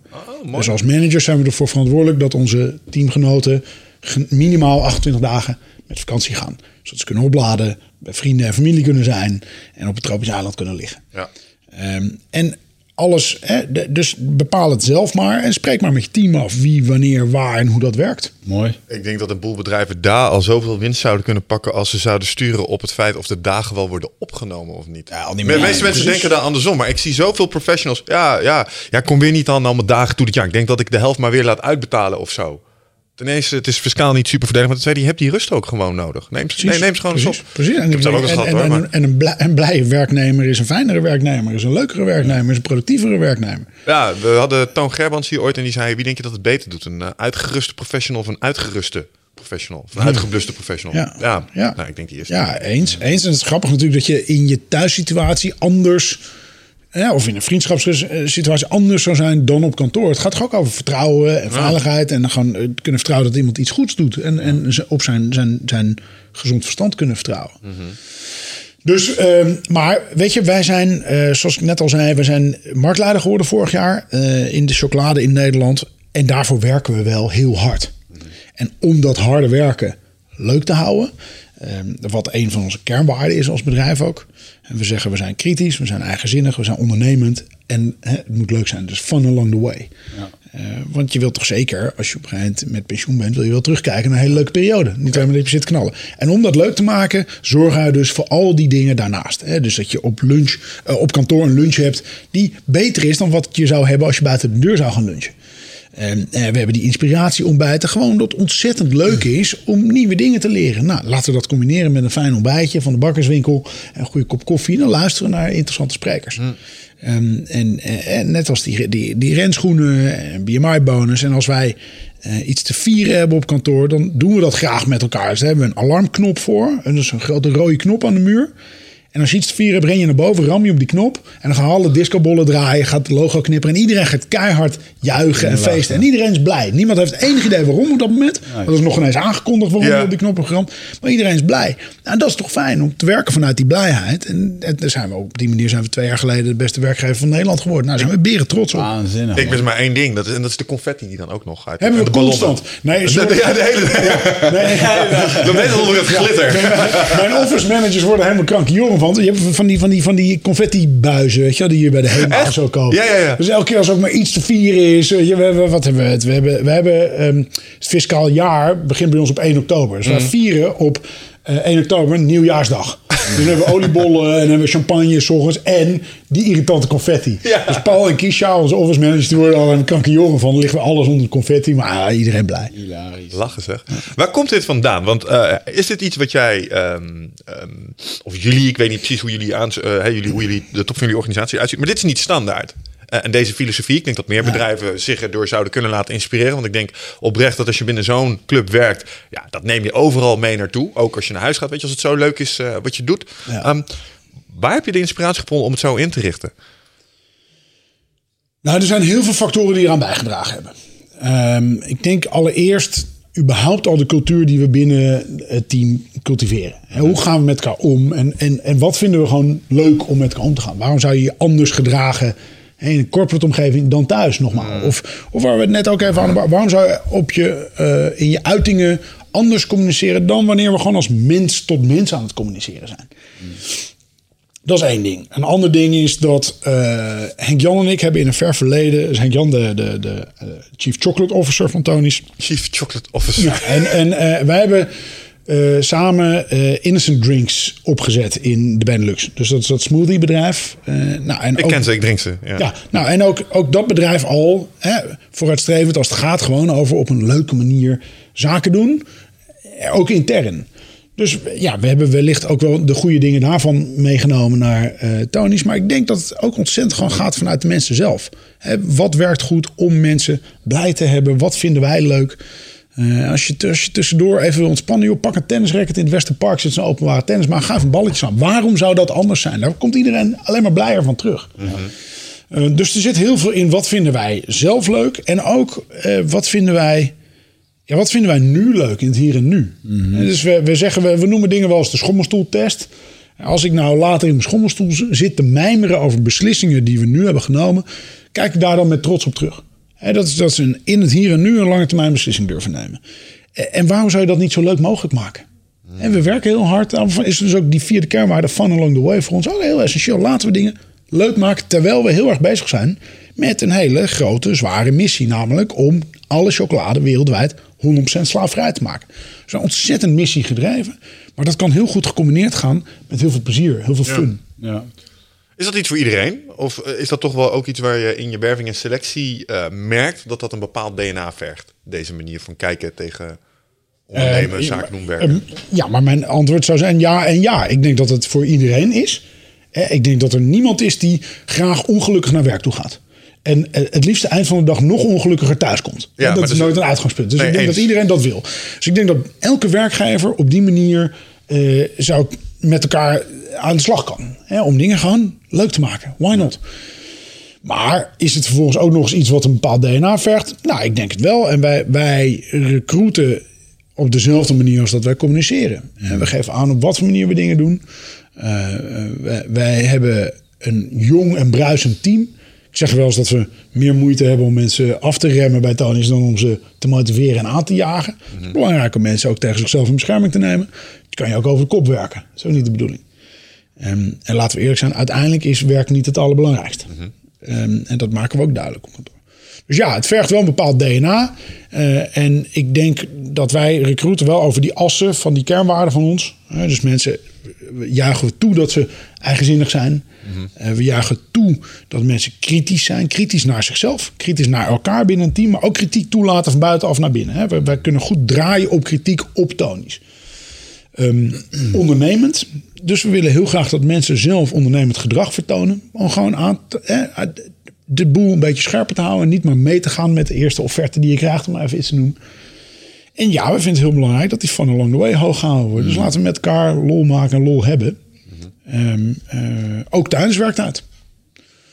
Dus als je over die assen denkt recruit, dan haal je wel een bepaald soort mensen ja, binnen. Maar we hebben wel een enorm divers team zitten. Ik, ik zou ook niet propageren dat iedereen hetzelfde is. Hè? Dat, uh, dat hoor je wel eens bij bedrijven. Ja, al neuzen staan dezelfde kant op. Ik denk, ja, dat is niet handig. Want dan zie je links en rechts niet wat er gebeurt en ook niet achter je. Ja. Dus ik denk dat juist zeg maar, door die diversiteit binnen het team te hebben... dat je met elkaar iets creëert wat een bepaalde persoonlijkheid van Tony's vormt. Als, als ik dit zo hoor, dan denk ik, uh, wauw man, dit is cool, dit is cool. En ergens zit er dan ook een stemmetje in me. Ja, maar ja, Tony's is wel een groot bedrijf. Uh, wel, gaat natuurlijk omzet. Maar hoe moet je dit dan gewoon... Ergens is het gestart. Hoe, hoe is Tony's gestart? Is dat met twee of één of drie of vijf mensen gestart? Of? Nee, het is gestart toen in... Uh, waar we, we het in het begin even over hadden. Toen uh, Keuringsdienst van Waarde met, met Teun van de Keuken... zelf inzag dat er problemen zaten in die waardeketen van cacao. Vervolgens, uh, um, Teun die, die, die uh, of Kunstdienst Waarde wil daar een programma over maken. En lopen overal tegen dichte deuren aan. Mm -hmm. Wat heeft Teun toen gedaan? Die heeft de kaarten omgedraaid. Die heeft een camera op zichzelf gezet. En hij heeft tien verschillende repen chocolade. Heeft hij een hap van genomen. Uh, waarvan hij zeker wist dat ergens in die repen kindslavernij mm -hmm. had gezeten. En hij heeft toen 112 gebeld. En hij heeft gezegd, ik wil mezelf aangeven als een chocoladecrimineel. Want ik financier de kindslavernij door het eten van deze chocolade. En als je een analogie neemt met het feit dat je hè, in het eh, Vondelpark een relatief goedkope tweedehands fiets zou kopen van iemand die niet al te fris ruikt, dan weet je dat dat niet klopt. Ja. En als je in Nederland op de hoogte bent van criminele activiteiten in een waardeketen van een product wat je koopt, ben je daar zelf verantwoordelijk voor. Dat heet heling. Oh. Hè, dus in diezelfde analogie dacht hij, weet je wat? Ik kan wel al die eh, grote chocolademerken gaan aanklagen. Maar dan heb ik een peloton advocaten op mijn stoep staan en word ik weggesoet. Ik kan beter mezelf aanklagen. Dan kunnen ze alleen maar vanaf de zijlijn staan kijken daarnaar. Eh, en hij heeft dus zichzelf aangeklaagd als chocoladecrimineel. Uiteindelijk eh, werd, die, zeg maar, werd het niet ontvankelijk verklaard door de rechter. En de rechter zei inhoudelijk en moreel gesproken heb je volledig gelijk. Dat zie ik. Maar ik kan niet die causaliteit aantonen. Dus dat directe verband aantonen tussen de bonen geplukt door een, een jongen die ingevlogen was uit die voorkust als getuige in die rechtszaak. En de repen die je gegeten hebt. En dat was dat moment waarop we op dat mass balance discussie uitkwamen. En Want die rechter zei ook, ik kan het niet aantonen, want ik kan niet 100% aantonen waar die bonen vandaan komen. En dat is dus ook voor de industrie altijd een hele makkelijke manier geweest om een hand in onschuld te wassen. Want kunnen altijd zeggen, we weten niet of er kindslavernij in onze chocolade zit. Ja. Want we weten niet waar die bonen vandaan komen. See no evil, hear no evil. Nou, dit is dus de heritage. En toen, eh, hè, Teun had niet eh, die, die beelden, Teun had niet die veroordeling. En toen heeft hij gezegd, weet je wat, dan start ik een chocoladebedrijfje, verander ik het systeem van binnenuit. En, en zo is dus ook Tony's ontstaan als naam, de Engelse naam van Teun. En Choco Lonely voor zijn eenzame strijd in de chocolade-industrie. Ah, wat een te gek verhaal, joh. Dus dat is de oorsprong geweest. Nou, en dat is, dat is een tijd. eh, eh, tijd was, was het klein, hoewel het meteen, dat is ook een prachtig beeld. Het was meteen op dag één uitverkocht. Want het sprak iedereen aan. Eh, dus dat is, een, dat is een prachtige clip eh, die je online ook wel kan vinden van de maker van de repen. Eh, dus Teun belt hem op van, joh, we hebben een probleem. Hoeveel denkt u dat we er verkocht hebben? En die Belg zegt 1000. Eh, en Teun zegt nee, 13.000 in de eerste dag, terwijl er 5000 geproduceerd waren. Ja, dus je moet nog even wat langer door vandaag. Ja, dus nee, vanaf het begin een succes. En dat is een, is, een, is een tijdje langzaam groeiend geweest. En de afgelopen vijf jaar is het dus heel hard gegaan. Dat is wel grappig, want het punt wat jij net raakt... eh, terwijl je een nieuwsbrief aan het schrijven bent... Nee, nee, nee. Hij is me ook altijd aan het appen. Gaat hij al naar Ik huis? zit je filmpje te zoeken waar je het over uh, op de ergens kan. Dan voor de luisteraars, dat denk ik ook grappig. Maar ik, eh, Ik zal hem zo, ik zal hem zo voor, je, voor je opzoeken. Ehm en eh, ehm, even denken even waar... op zendruk hoor. Eh, even denken, waar zat ik nou? Eh, nee, ja, je raakt net het punt. Je zegt, ja, het is een groot bedrijf. Hè? Dus natuurlijk, hè, wij, willen, wij willen impact maken. En, en of wij dat nou doen, of dat we de hele industrie meebewegen... we zijn natuurlijk in de loop der jaren er wel achter gekomen dat we het niet zelf kunnen. Ehm, dus ik zeg wel eens, nou, of wij moeten 100% marktaandeel krijgen in de hele wereld. Best ingewikkeld. Of de hele wereld van de chocolade moet gaan doen zoals wij het doen. Dus het businessmodel kopiëren en verbeteren het liefst. En overnemen en omarmen. Ehm, en wat je net zegt, ja, je bent een groot bedrijf geworden. Dat is natuurlijk een beetje die catch-22. Dus er wordt nog wel eens naar ons gekeken van... ja, waar zit je geloofwaardigheid, want je bent zo'n groot bedrijf geworden. Eh, terwijl ja, weet je, ik, ik ben persoonlijk niet altijd de grootste aanhanger geweest van groei. Hè, mijn bed is 2 meter 10 lang. Ik heb er geen belang bij dat dat bed volgend jaar 2 meter 11 is. En het jaar daarna 2 meter 12. Ik ben heel tevreden met wat ik heb. Maar wij willen iets bereiken. Wij willen impact maken in de wereld. En je maakt meer impact als mensen naar je gaan luisteren. Ja. En daarom willen wij groeien. Daarom hebben wij een hele agressieve groeistrategie altijd gehad. En zeggen dus ook in Nederland... Nou, we hebben die klanten van het eerste uur. Bijvoorbeeld de Wereldwinkel of de Albert Heijn. En daarvan hebben we dan ook een bepaalde reep, een exclusive, die dan alleen daar te krijgen is. Hè, zodat die klanten ook nog eens hebben van... oké, weet je, ik snap dit en ik weet waarom jullie dit willen doen. Ik vind het jammer dat je overal ligt. Maar verrek, ik heb een, ik heb een speciale bij mij in de winkel liggen. Nou, dat is slim man. ja. Dat is goed. Denk je dat gro- groei ook per definitie afbreuk is van je missie? Dus als je maar Ja, meer mensen geval- aan boord krijgt, ga je Nee, uiteindelijk... in, in ons geval dus heel concreet niet. In ons geval is die groei essentieel om voor het behalen van die missie. Want die missie is 100% slaafvrij chocolade wereldwijd. Dus moeten we wel groeien. Dus voor ons is het niet de afbreuk eh, van de missie, in tegendeel. Ja, nee, maar omdat als je ziet, naarmate je meer mensen aan boord haalt ehm, en, en organisaties worden groter, is het. ehm, nou ja, heb ik eh, uit ervaring van dichtbij meegemaakt dat het, het originele gedachtegoed dat bij de originele pionierslag Ja. wel langzaam maar zeker een beetje verdund raakt. En als je nog groter wordt, kijk, je kan in je werving en selectie niet 100% succesvol zijn. Dus er komen altijd elementen binnen die iets minder de passie voelen, iets meer gewoon op zoek zijn naar een job en dat soort dingen. Dus ik vroeg me af of jullie dat ook zien en of dat iets is waar je rekening mee probeert te houden. Of, Ja. nou ja. Eh, ja, we houden er rekening mee. Eh, maar voorlopig hè, hebben we eh, iedereen hard nodig om de groei bij te benen die we, die we doorlopen. En lukt het ons heel goed om de cultuur vast te houden die we nu hebben met elkaar. Ja. Ik denk dat het wellicht een grotere uitdaging wordt als je gekocht wordt of verkocht wordt, om maar even iets te noemen. Hè. Bij sommige bedrijven, de Ben Jerry's, de Unilevers, om maar dat soort voorbeelden. Staan ze wel eens aan de deur te kloppen? Nee, maar ik bedoel wat er met Ben Jerry's gebeurde toen het overgenomen werd. Nee, dat begrijp ik wel. Maar zijn er wel eens Eh, clubs die aankloppen en zeggen... hey, dit is interessant, wij willen jullie graag over. Ja, en dan nodigen ze uit voor een fijne kop koffie en een paar repen chocolade. En dan zeggen we, geniet ervan. Ehm, dus dus eh, nee, nog niet, want daar zijn we nog niet. En, eh, en we kunnen nog ontzettend veel bereiken op eigen benen. Ehm, tegelijkertijd heb je natuurlijk wel een punt. Ja, je moet erop letten dat je, dat je de juiste richting blijft gaan. En op de juiste manier ermee aan de slag gaat. Ehm, alleen wij zijn zo gefocust, transparant en glashelder over die missie van ons. ehm, eh, dat die nog wel heel dicht bij ons staat. Ja. Eh, en dat gezegd hebbende, als wij bijvoorbeeld een vacature hebben en eh, iemand zegt, maakt me niet uit wat ik doe als ik maar bij Tony's werk. Ja, dan, ook dan bedanken we vriendelijk met een kop koffie en een stapel repen. Maar dat is niet de persoon die bij ons succesvol gaat zijn. Want het gaat erom dat je in jouw beroep het fantastisch wilt doen bij Tony's. Hè, dus eh, eh, dat geldt voor any job bij Tony's. Dus dat is wel belangrijk. En op die manier hou je wel eh, zeg maar de juiste mensen bij je en de juiste mensen aan boord. Ja, snap ik. Hoe kijk jij aan tegen... ehm, ik, vermoed, ik weet niet zeker, jullie houden veel van fun op het werk. Dus ik weet niet hoe hoog de werkdruk is. Maar ik heb het vermoeden dat jullie hard werken. Dat zei je Ja. dus straks ook al. Ja. Ehm, als je kijkt naar je persoonlijke leven en hoe je dat als, ehm, zeg maar, professional, ehm, hoogvlieger, eh, bol werkt. Zijn er naast veel chocola eten, persoonlijke rituelen die je daarbij helpen? Heb jij bepaalde effectiviteitsdingen die je doet? Werk je met een systeem? Sport je regelmatig? Om dit allemaal Ja, nou, in jaar, gang te jaar houden? en jaar. Oké, check, check. Eh, ja. Ehm, dus ik, ik, ik hou enorm van eh zijn personal effectiveness. Eh waar hebben we het over? Even, even gehad, bullet journal-achtige methodieken. Dat meen je. Ja, dat ja. jaar is. ja, voilà. Eh, en, eh, en toch ook gewoon helpen om mensen te focussen op wat ze doen. Kun je iets vertellen over bullet journals trouwens? Voor mensen die dat concept niet kennen. Want ik vind het geniaal. Ik zag het aan de puntjes op je papier. Ja, nou ja, bullet journal is eigenlijk alleen maar een, ma- een manier van zeg maar to-do's eh, hebben, doorschuiven. Maar ook voor mijzelf om een beetje te loggen. Dat heb ik ernaast eigenlijk eh, te loggen wat ik doe, wanneer ik het doe. Sporten, heb ik een goede dag, heb ik goed geslapen, heb ik wel of niet gemediteerd, et cetera.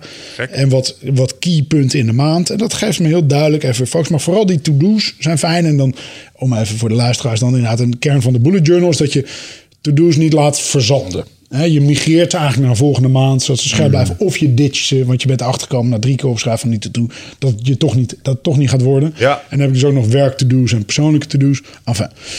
Maar dat is, dat is een personal love baby, zeg maar. Ehm, Ja, maar dat zijn wel de gewoontes waar we ook een beetje naar op zoek zijn. Ja. Dat zijn wel dingen waar volgens mij het verschil Ja. wordt gemaakt tussen dingen voor elkaar krijgen. ja. Eh, en het maar een beetje overlaten aan Nou, de grillen van je hoofd. grote is bij Tony's? Eh, en, eh, en die hebben we jaren geleden hebben we die ingebracht.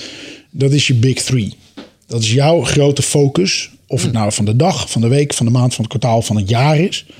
Eh, dus eigenlijk willen wij heel glashelder werken vanuit een, een vijfjarenplan, onze visie. Dan naar een jaarlijkse strategie. En dat doen wij op de manier van OGSM. Dus dat is eigenlijk je strategie op één A4'tje. Oké, ja. Vanuit daar definiëren we projecten. Vanuit de projecten heb jij zelf jouw focus. En alles cascadeert toe naar die visie, naar dat Ja. grote doel. Zodat het glashelder is wat je doet. Want we zijn een ontzettend dynamisch en snel bewegend bedrijf. En er komt ontzettend veel op ons af. En we hebben natuurlijk dagelijks nieuwe opportunities. En dagelijks staan er tien mensen bij aan tafel die weer een briljant idee hebben. Intern en, en extern. Ehm, en die big three die je opschrijft en aan de muur hebt hangen, geeft je een focus van wat moet, waar moet ik nou eigenlijk op blijven focussen. De filter. Ja, wat is nou echt even de kern van waar ik op zit? En als ik iets anders heb, dan moet ik echt even gaan evalueren. Klopt dit dan wel binnen datgene wat ik aan het doen ben? En dat dan ook nog eens afgesproken in afhankelijkheden. Dus ik ben voor mijn ene focusding ben ik afhankelijk van jou. Hoe gaan we daar afspraken over maken met elkaar? Eh, en ik denk ook wel dat die, de, de, de platheid en de transparantie in onze club er ook ontzettend aan bijdraagt. Ja. Er zitten weinig mensen zitten in, in, in het geheim ergens in de hoek te werken. Wij hebben elke maandagochtend om 10 uur hebben wij nog steeds een eh, meeting met z'n allen. Eh, dus dan gaan we door de cijfers van de week heen. En bepaalde dingen die belangrijk zijn voor die week noemen we ook. En in onze kwartaalmeetingen gaan we door al die big threes van iedereen heen. Überhaupt. Dus dat geeft, dat geeft toch focus aan duidelijkheid. Dus dat zijn wat, wat werkmethodieken zeg maar, die, wij, die wij graag hebben. En je zei net, werkdruk is die hoog? Ja, die is, die is hoog. Maar wij vinden het heel belangrijk om te blijven focussen ook op dat stuk werkgeluk.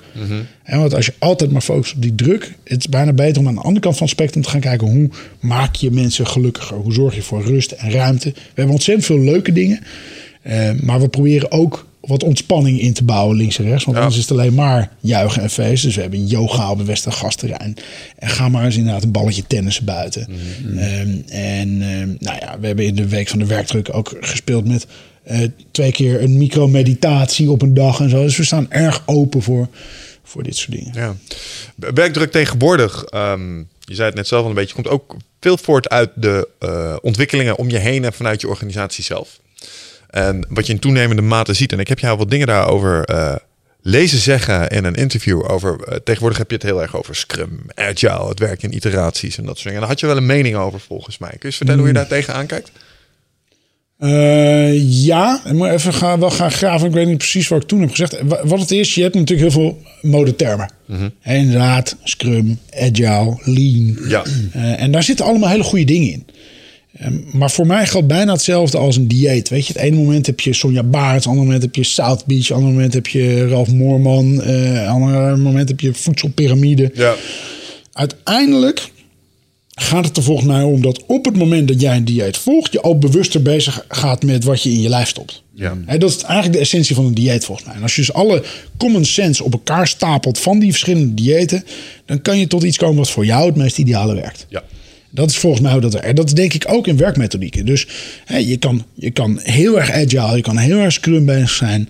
Maar misschien moet je gewoon de beste dingen eruit halen. Zoals bij Scrum de zichtbaarheid van de to-do's hè, en Ja. de flow.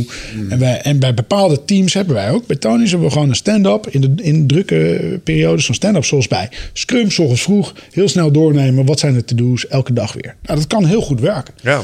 Ehm, maar je moet je niet blind staren op een modeterm. Dat is volgens mij wat ik toen ook eh, eh, heb gezegd. Eh, en de vraag is of iets wat heel erg software gerelateerd is, zoals Scrum, heel goed werkt voor een, een bedrijf wat chocolade maakt en verkoopt. Ja, stukjes misschien. Ja, stukjes precies. Dus op bepaalde teams kan het heel goed werken. En ik heb een tijd met mijn team gewerkt met zo'n Scrumboard. Zodat we heel duidelijk die to-do's van de week in beeld hadden. Zo, nou, dat kan je dan ook weer digitaliseren op een Trello-board. Ja, ja, bekend. Ja, zeker. Ik wil denken aan toen ik bij een softwarebedrijf werkte en een financiële dienstverlening, die, die deden dat dan allemaal in België. En dan kwam ik op dat kantoor als sales zijnde. En dan zag ik die gasten, jongen, die zaten naar die papiertjes te kijken en helemaal een soort van nog net niet het zweet op hun hoofd. Terwijl, jongens, er moest gewoon verkocht worden, weet je. We gaan. En dan eh, gingen die mensen in de stress, weet je wel. Dus ik snap wel dat het bij jullie een eh, wat sportievere vorm mag hebben. Volgens mij is dat wel Ja, en weet je, ik denk, ik, er is een gevaar altijd bij het... Kom op jongens, er moet gewoon verkocht worden. Eh, Ja, maar dat was mijn eh, houding als sales, hè. Ja, ja, ja, maar dan komen we weer even terug bij die gelukkige werknemer is een betere werknemer. Door juist af en toe even van die roltrap af te stappen. Zorg dat je weer weet waar die heen gaat. Ik heb dat bijvoorbeeld eh, over dat op papier werken. Nou, ik heb menig iPad versleten, denkende dat dat voor mij een ideale oplossing zou zijn. Zo, ik denk niet lineair. Dus ik, dat werkt voor mij niet. En dus een, een stuk papier werkt heel goed. En vervolgens nog eens af en toe zo'n rustmoment nemen. Of dat nou in een trein of in een vliegtuig is of eh, in het weekend. Om dan, en dat is helemaal mijn guilty pleasure, om nog eens een keertje over te schrijven in een netboekje. Hè, want door het op te schrijven kan ik altijd dingen beter laten verankeren in mezelf. Dus dat is dan dus die, dus dat, dat is helemaal guilty pleasure. Ja, dit, dit is preaching to the choir. Wij, wij denken hier namelijk net zo over. Maar ik vind het heel mooi om jou dat, eh, dat horen te zeggen. Ehm, zijn er andere dingen die je hebt gemerkt ehm, om, het concept werken op papier en met de hand schrijven nog maar eens even iets meer eh, op een voetstuk te plaatsen? Eh, andere voordelen die je merkt aan, aan dingen met de hand doen. Ik wil even kijken of onze ervaringen daar parallellen hebben in dat opzicht. Oeh, eh, nou, ik moet alleen, ja, duizenden. Ik zit alleen even te denken welke ik als eerste naar boven te trekken. Ik denk dat het heel goed is om bijvoorbeeld zo'n zo'n strategie of zo'n flow waar we het net even over hadden, hè, vanuit, eh, vanuit missie naar concrete projecten, om dat ook visueel te hebben. Ik denk dat het heel nuttig is om dat te hebben hangen hè, in your face. Ehm, maar ook bijvoorbeeld eh, een hele leuke. eh, je, je, je geluksmomenten die visueel hebben. En we hebben ook aan de muur hebben wij al tekeningen die kinderen opsturen. Of eh, die eigen wikkels eh, maken. Die hangen wij op. Vinden we prachtig. Weet je, je kijkt ernaar. Je hebt even zo'n happy anchor. Eh, dus alleen al dat soort visualisatie ook heel belangrijk. Hmm. Nou, die logging. Ik denk dat dat een van de grootste voordelen is. Die, ik heb ook een tijdje met, met dit soort journals gewerkt, zeg maar. Ik heb er een soort variatie voor mezelf op gemaakt. Maar een van de dingen die het me gaf en wat ik nog steeds doe als ik echt... iedereen kent dat gevoel wel. Soms zit je in de auto terug en denk je, dat heb ik vandaag in godsnaam allemaal Ja. gedaan. En soms heb je van die periodes, omdat het Ja. gewoon hectisch is en veel gefragmenteerd werken. Op zo'n moment ga ik altijd direct een logboek maken Ja, omdat je dan, al schrijf je mij even op, ik heb een belletje gedaan, ik heb een call gedaan, ik heb dit gedaan. Je ziet gedurende de dag wat er gebeurd is. En dan denk je van, oh, ik heb eigenlijk best wel veel gedaan. Dat is een groot voordeel. En een ander voordeel wat het me gaf is dat als je dat structureel doet, je kunt ook een soort van informatie uithalen. Zo van, hé, hey, maar ik zie dat ik wel echt heel veel belletjes aan het doen ben. Misschien moet ik eens voor zorgen dat ik die telefoon gewoon een paar uur uit mijn buurt leg, Ja. omdat het mijn flow steeds eh, verstoort, omdat ik de hele tijd aan het bellen ben. ja. Dus het geeft je ook weer een mechanisme om je gedrag mee aan te passen. ja nou heb ik meteen een leuke voor je. Cool. Ehm, wat een hele leuke exercitie is om voor jezelf te kijken. Waar zit mijn energie? Eh, over een dag heen. Ah. Dus gewoon letterlijk die curve uit te tekenen. Waar zit mijn energie? En waar zit mijn energie over een week heen? En op basis daarvan je agenda te bepalen. Dus mijn goeie. creativiteit en energie zit in de ochtend. Ik kom aan, ik wil dan knallen. Eh, dat kun je dus vergallen door daar drie meetings op een rijtje te zetten. En dan komt lunch en dan krijg ik mijn après lunch dip. En dan is eigenlijk, weet je, dan is die energie dag voorbij, ja. Dus ik ben op een gegeven moment ben ik, eh naar aanleiding van een ontzettend leuke lezing van Gijs Dekkers van de School of Life. ehm, eh, over energiemanagement. Ben ik structureel in mijn week twee ochtenden gaan blokken met Makerspace. Dus dat is gewoon het moment dat ik wil maken. Er kon geen meeting ingeschoten worden op dat moment. En dat ook zo heilig mogelijk geprobeerd te houden. Ja. En niet mensen laten overroelen. Dat zijn gewoon de twee ochtendblokken die ik nodig heb om te produceren die week. In plaats van alleen maar te communiceren. Nou, dat één dingetje. En een andere vond ik ook een hele mooie die ik ooit ergens opgepikt heb. Dat je, dat je voorkomt dat meetings altijd back-to-back zijn. Dus aan het einde van een meeting altijd vijf of tien minuten afwerktijd. Ja. En dat je dan kan gaan loggen. Dat je Ja. dan even die to-do's kan omschrijven. Die nodige dingen kan omschrijven. Nou, dan komt mijn derde tip van de dag. En dat is een, eh, dat is wel heel erg consultieterm hoor. Maar dat is eat the frog. En dat, ja? Oké. Dus dat is Nee, maak echt- hem af. Vertel hem. Alsjeblieft, bevestig dat- ons dat je, gedachtegoed dat, je, dat, je, eh, dat je eigenlijk voor jezelf bepaalt... wat is nou die biggie waar ik morgen tegenop zit te kijken... Mhm. die je dus ontzettend gaat zitten uitstellen... en aan het eind van de dag dan denkt... Eh, eh, eh, niet aan toegekomen... maar wel heel veel andere nuttige dingen gedaan... als vluchtgedrag. Ja. Maar dat jij dus je ochtend gewoon begint... je weet al, de dag van tevoren heb je al gedefinieerd... wat jouw frog is van de volgende dag... En dat je begint, niet je mail open, niet je telefoon aan, alles op flight mode, die frog op te vreten. Hè, je grote ding van die dag te doen. En dan eigenlijk super enthousiast zijn na een uur, anderhalf uur dat je dat al bereikt hebt. En op die flow de rest van de dag kunnen doorteren, omdat je je biggie hebt opgeknaagd. Helemaal top dit. Ja, en ik, ik denk dat, ehm, dat daar ook... Zullen we een- gewoon een personal effectiveness podcast gaan Nou ja, maar, dat- maar dat zijn wel Ja, thema's die hier Ja. heel belangrijk zijn. En ik denk dat, dat, dat wat jij zegt, dat, dat navigeren eh, op, op je kikkers, zeg maar, of in ieder geval die kikker als eerste doen. Ik denk dat dat ook voor een heleboel mensen een soort ehm, impliciet prioriteitstrucje kan zijn omdat een boel mensen zich afvragen gedurende de gedag, maar wat moet ik nou als eerst doen? Want ik heb een heleboel gewenste uitkomsten, er zijn allemaal dingetjes op mijn bord. En welke is nou het belangrijkste om als eerste op te pakken? Ja. En dat antwoord heb je eigenlijk al direct. Ja. Want dat is de klus waar je het minst zin in hebt. Ja. Want jij weet onbewust dat daar de meeste voortgang ligt. Dat daar allerlei andere gevaarlijke dingen achterweg komen. Meer werk, moeilijke gesprekken, lastige situaties. En daarom vermijd je hem een beetje. Want hij doet het meest pijn. Ja. En vaak ligt de meeste groei achter de meeste pijn. Ja. Dus als jij niet weet wat je moet doen omdat Ja. je het niet helemaal... Ja, je, je bent je focus even kwijt. En dat is vaak, ja, navigeer maar op weerstand. Er is, wel, er is een mooie lezing die ergens op social rondging. Volgens mij is het een oud Navy SEAL generaal of zo. Make your bed. Ja, ja, vind ik ook een prachtig. Dus voor je frog zou je nog even je bed kunnen opmaken... om Ja. even in de analogie te blijven, in de metaforen te blijven. Dat je begint met een klein dingetje, hè, make your bed. Of één win. Hè, het kan ook een act, eh, act of random kindness zijn. Hè, vind ik Ja, ook ja, heel ja. mooi. Dat je voordat je begint één ding, iemand een compliment gegeven, wat dan ook. Je bed opgemaakt en dan begin je met die frog en dan doorgaan. Ja, dat primet je hele dag. Het is een daad van discipline. Net zoals 's ochtends eh, bijvoorbeeld een, ander, een alternatief zou zijn... een koude douche nemen in de ochtend. Ja. Je doet even iets wat moeilijk of lastig is. Nou, als je dan helemaal de leiderschapslessen wil doortrekken in het kader van clean your bed. Als je dan ook nog eens ervan uitgaat dat voordat je de wereld probeert te veranderen, dat je eerst je kamer opruimt. Ja, Nou, dan ben je helemaal klaar. En dan nog even je dankbaarheid van die dag hebt opgeschreven. Uh, dan is het Ja. af. Even Ja. mediteerd. Doe je dat eh, heel bewust trouwens? Want je zegt eh, dankbaarheid. Ik hoorde iets even zeggen over affirmaties. Nou, Bak jij bewust momenten in dat je denkt van... Holy shit, het is eigenlijk allemaal heel cool wat we hier aan het doen zijn. Ja, dat probeer ik wel. Ja, doe je probeer ik wel. Nou, eh, bijvoorbeeld hè, het dankbaarheidsboek wat vorig jaar uitkwam, vind ik heel leuk. Ik deed het al op een andere manier, eh, Hmm. maar ik vond dat wel weer even een goede reminder dat eigenlijk eh, de allergrootste drijver voor happiness is dankbaarheid. Ja. Dus ik heb dat boek vervolgens ook aan eh, mijn hele team, het hele management bij eh, Tony's gegeven. Ik weet niet wie het allemaal eh, braaf nog aan het doen is, maar dus ik probeer die momenten te pakken. Eh, ik probeer dat 's ochtends te doen. Ehm, en ehm, ja, want dat zit dus mijn creatieve momenten. Ik ben minst grumpy 's ochtends. Ga- ze in dat boek ook in op ehm, eh, het, het, het, fysiek, het fysieke effect van dankbaarheid. Ik ken het boek niet. Ehm, maar een van de dingen die Weet mij zo, niet meer, die mij zo mij verbaasde over eh, dankbaarheid betrachten, is dat het gewoon een aantoonbare eh, regulerende werking op je cortisol heeft. Ja. En dat maakt een ander stofje aan, DHAE volgens mij. En dat heeft weer te maken met serotonine of endorfineproductie of zo. En dat is dus een mentale staat.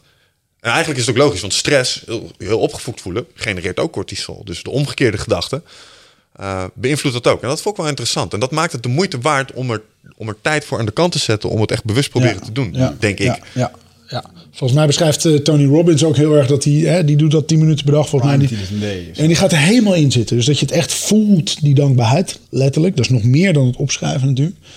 Eh, en dat je dat dus ook op die persoon richt op dat moment. Wel moeilijk soms hoor. Ja, ja, maar er zijn ook wel eens dagen dat ik me echt even afvraag... waar ben ik in godsnaam vandaag dankbaar voor? Ja, ja, ja. Toch, ja, maar toch als je dan... En dat is het goede van die exercitie, denk ik. Toch is dan dat je denkt, ah ja... Toen ik naar buiten liep, scheen het zonnetje even op mijn knar. Hoe gestrest ik ook was. Mhm. Je? En diegene gaf me toch een leuk compliment. Het kan in de kleine dingen zitten. En het zit er niet in de kleine dingen, creëer het zelf dan. Dan geef je iemand anders een compliment. Ja. Wat zijn andere manieren voor jou om, om je stress te reguleren? Sporten, dus bewegen. Ik, ik probeer triathlons te doen. Oké, Gaat dat goed? Ja, ja, ja. ja. Ehm, nee, dus dat, probeer ik, dat, vind, dat vind ik eh, heel leuk. Eh, probeer een beetje te fitnessen, maar ook juist aan de ontspanning. Eh, Ik woon in een, in, een, in een mooie bosrijke omgeving. Dus alleen al daar rennen werkt een beetje aan, aan twee kanten voor mij. Ja. Ik kan mijn hoofd heel goed leeg hebben. En ik, ik, ik probeer geregeld te mediteren. Ook voor ontspanning. Hmm. Wat voor soort meditatie doe je? Ik doe eigenlijk nu altijd gewoon simpele geleide meditatie. Of je nou het headspace aanzet of calm. Goed hè, dat headspace. Het is echt Ja. eh, de wereld aan het overnemen. Ik zie die gasten ook overal eh, praten en doen. Doet Ja, goed werk. het is ook grappig Ja. om te zien hoeveel... Hij doet het ook goed. Ja, nou ja, ja. En ik denk dat een boel mensen de methode ook niet kennen. Eh, want ik, ben, ik heb ook geprobeerd te mediteren. En dan doe je dat zoals iedereen dat doet. Dan ga je zitten, doe je ogen dicht. En dan ga je irriteren over het feit dat je je kop niet leeg kan houden. Ja. Totdat ik erachter kwam dat er ook gewoon op Spotify... eh, Ja. Gewoon eh, audiobestanden zijn, die kun je luisteren. En dan vertelt iemand je gewoon heel vriendelijk en zacht Ja. wat je moet doen. En dat is heel fijn om bij de les te blijven. En het is eh, meteen eh, mooi gekaderd in een tijd. Het is eh, 20 minuten of eh Ja. 10 minuutjes soms. Ah, dat kan iedereen wel volhouden. De beste tip die ik dan de laatste tijd heb gekregen, ging naar zo'n gezondheidsgoeroe in Amerika, Elliot Huls, een van onze vorige podcast. En ehm, die gast die zegt juist, je moet in je lichaam zien te komen. Als je in je hoofd zit, dan heb je allemaal problemen en dingen. En de enige manier, de simpelste manier, is gewoon sporten. Gewoon, Ja, hij doet een heel fitness van die strongman dingen, stenen tillen en zo. Maar dat is het wel, gewoon echt in je lichaam gaan zitten. En heel veel mensen die... eh, ik heb het ook wel geprobeerd, s ochtends om te sporten. Het is niet mijn moment om het, eh, om het te doen. Doe het liefst in de middag. Toevallig geregeld dat we voortaan een gym hebben hier. eh ja. mooi. voortaan aan de overkant kunnen we onze eigen gym gaan, eh, gaan maken. Doet me wel denken aan wat jij zei over je energieniveaus. Want ik, ik probeer eh, voor mezelf te bepalen waar zitten mijn energieniveaus op de dag. Ik herken het, het creatieve in de ochtend en dat niet dood laten gaan. Maar wat je ook zei was over de week heen. Vond ik ook Ja. wel interessant. Hoe bedoelde Ja. je dat? Nou, wat voor dagen van de week? Merk je daar verschillen? Dat sommige dagen, bijvoorbeeld donderdag is een betere niet- dag om... Ja, ik heb dat niet enorm. Eh, maar ik ken heel veel mensen die dat wel hebben. Hè, of echt wel de maandagdip. Eh, of juist vrijdag, die dip. Ik, Mhm. ik heb dat niet enorm. Maar het is wel een mooie manier om te kijken... oké, wanneer plan ik dan welke activiteit? Ik had ooit op basis daarvan, toen ik de allereerste keer door die exercitie ging... dat ik bijvoorbeeld sollicitatiegesprekken deed ik, deed ik middags. Die kan ik prima na de lunch. Hè, daar Ja. hoef ik niet ontzettend voor na te denken. Gewoon een goed gesprek hebben. Eh, maar het is een leuke anekdote, want de- ik deed deze exercitie ooit met mijn team. eh in, in een vorige bedrijf, een collega van me die nu ook werkt bij Tony's, Marijntje. En wij hadden eh, bij Innocent op een gegeven moment dat we de, de lunch was even werd een beetje te corporate. Dat was een tostietje achter je laptop, weet je, doorrammen, want de werkdruk was hoog. Ja. Zeiden dit klopt niet. Hè, dat moeten we anders doen. Dus we hebben die lunch hebben we echt iets van gemaakt met z'n allen, goed voor elkaar. Ook echt tegelijkertijd die break. En we hadden we gingen zaken doen in België, dus hadden we Franse les tijdens lunch bijvoorbeeld. Eh, en het gewoon leuk maken. Maar er was Marijntje en die moesten we altijd wel een beetje achter de laptop wegtrekken. Die zat dan net helemaal in de zone. Nou, ik deed toen een keertje de- deze exercitie met mijn team. En toen bleek dat haar piek gewoon qua energie en focus helemaal tijdens die lunch juist zat. Dus toen hebben we gezegd, nou weet je wat, jij hebt gewoon die vrijstelling. Jij mag gewoon doorrammen en dan, dan doe je zeg maar je wasa krekkenbreedje met huttekezen doe je een uurtje later. Eh, want, maar wij gaan met z'n allen wel in, die, in dat dit moment gewoon goed zitten lunchen. Ja, snap ik. Dus het, is- maar het is een hele leuk om te kijken. Waar, waar zitten die dingen? En hoe stel je nou een dag op? Hoe ziet je dag eruit? Baseer die nou eens op hoe je energie loopt in plaats van andersom. Ja, hoe zit het bij jou, Wigert? Als je Ja. kijkt naar je week. Ja, die heb ik, eh, ik heb het vorig jaar een keer helemaal opnieuw geprimed. Omdat ik, ik had de ziekte van Fiverr vorig jaar. Dus dat legde me echt helemaal lam. Fucking irritatie dat ik niet, dingen niet gedaan kreeg. Geen concentratie. En eh, ik begon toen ook in één keer aan allerlei dingen te sleutelen waar ik helemaal niet aan moest sleutelen. Dat ik eh, in sprintjes van 20 minuten ging werken. Eh, terwijl mijn kracht is juist dat ik gewoon drie uur lang ergens op kan zitten. En dan zit ik helemaal in een tunnel. Ja. Die, die deep focus, dat is echt. En dat probeer ik eigenlijk een beetje te veranderen. Op basis van allemaal dingen die je leest en doet. Dus ik heb toen 30 dagen een eh, schema bijgehouden. Waar ik energie van krijg, hoe ik me voelde. S ochtends, 's middags, 's avonds. En dan kwam ik bijvoorbeeld achter dingen. Dat als ik bijvoorbeeld. eh, ik was Portugees aan het leren en ik speelde ook gitaar. Als ik dat deed, dan voelde ik me eh, in mijn hoofd veel moeier in, in de avond. Waarom? Ja, het kost gewoon energie. Nieuwe dingen leren, weet je wel. En als je dat 30 dagen lang doet, dan kom je op een gegeven moment tot de conclusie waar je energie van krijgt en waar niet Ja. vrienden zien. Eh, inderdaad, meditaties of dingen. Of gewoon met jezelf bezig zijn. eh, sporten. Was voor mij kant en klaar wat er toen voor mij moest gebeuren om eh, ja, mezelf beter te voelen en meer, eh, meer te gaan doen. Ja.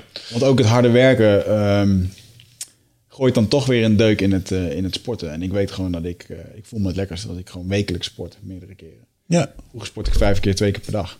Ja. Dus het, zou, het is helemaal niet fijn voor mijn lichaam om nu twee keer in de week te sporten. Daar word ik helemaal niet gelukkig van. Nee. Nou, het gevaar is dat je in zo'n vicieuze cirkel komt. Ja, ja. Hè, want je kan eigenlijk, als je juist dan doordramt en wel gaat sporten, ben je waarschijnlijk happier in je werk. Wat ik zo grappig vind aan, aan de analogie met sporten is dat, eh, en als je dat vergelijkt met mentaal werk, weet je wel, dan hoor ik jou zeggen van ja, dan ben ik gitaar aan het spelen, leer ik een nieuwe taal, dan ben ik moe en dat vind ik dan een beetje raar of zo.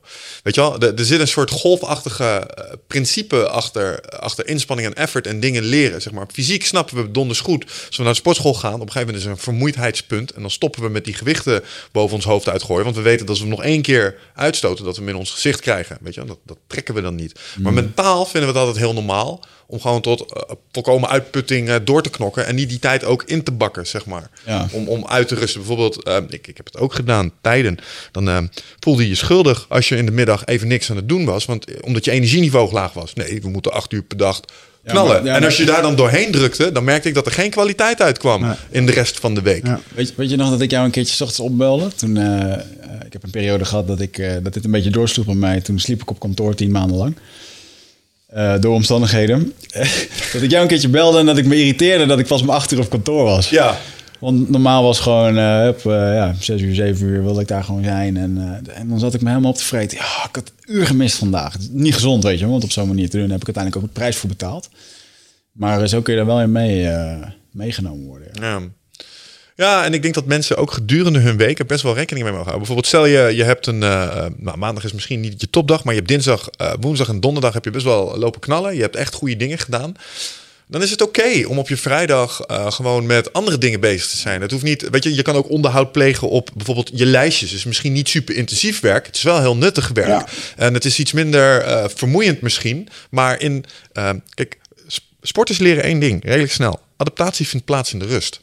Dus je wordt niet sterker terwijl je aan het tillen bent. Je wordt sterker erna. En ik denk dat dat voor mentaal werk ook zo is. En ik denk dat je vrijdag of je maandag ook wel een klein beetje mag zien als een soort van mentale rustdag. Of op de woensdag, als je de eerste twee dagen heel erg geknald hebt. Het punt dat ik probeer te maken is, je inspanning hoeft over de week heen niet eh, altijd voluit te zijn. Sterker nog, ik denk dat dat je verder van huis brengt. Dat is counterproductive. Ja, en ik las gisteren een methode, vond ik ook wel interessant. Ben benieuwd hoe jij daarover denkt. Werk je in het weekend?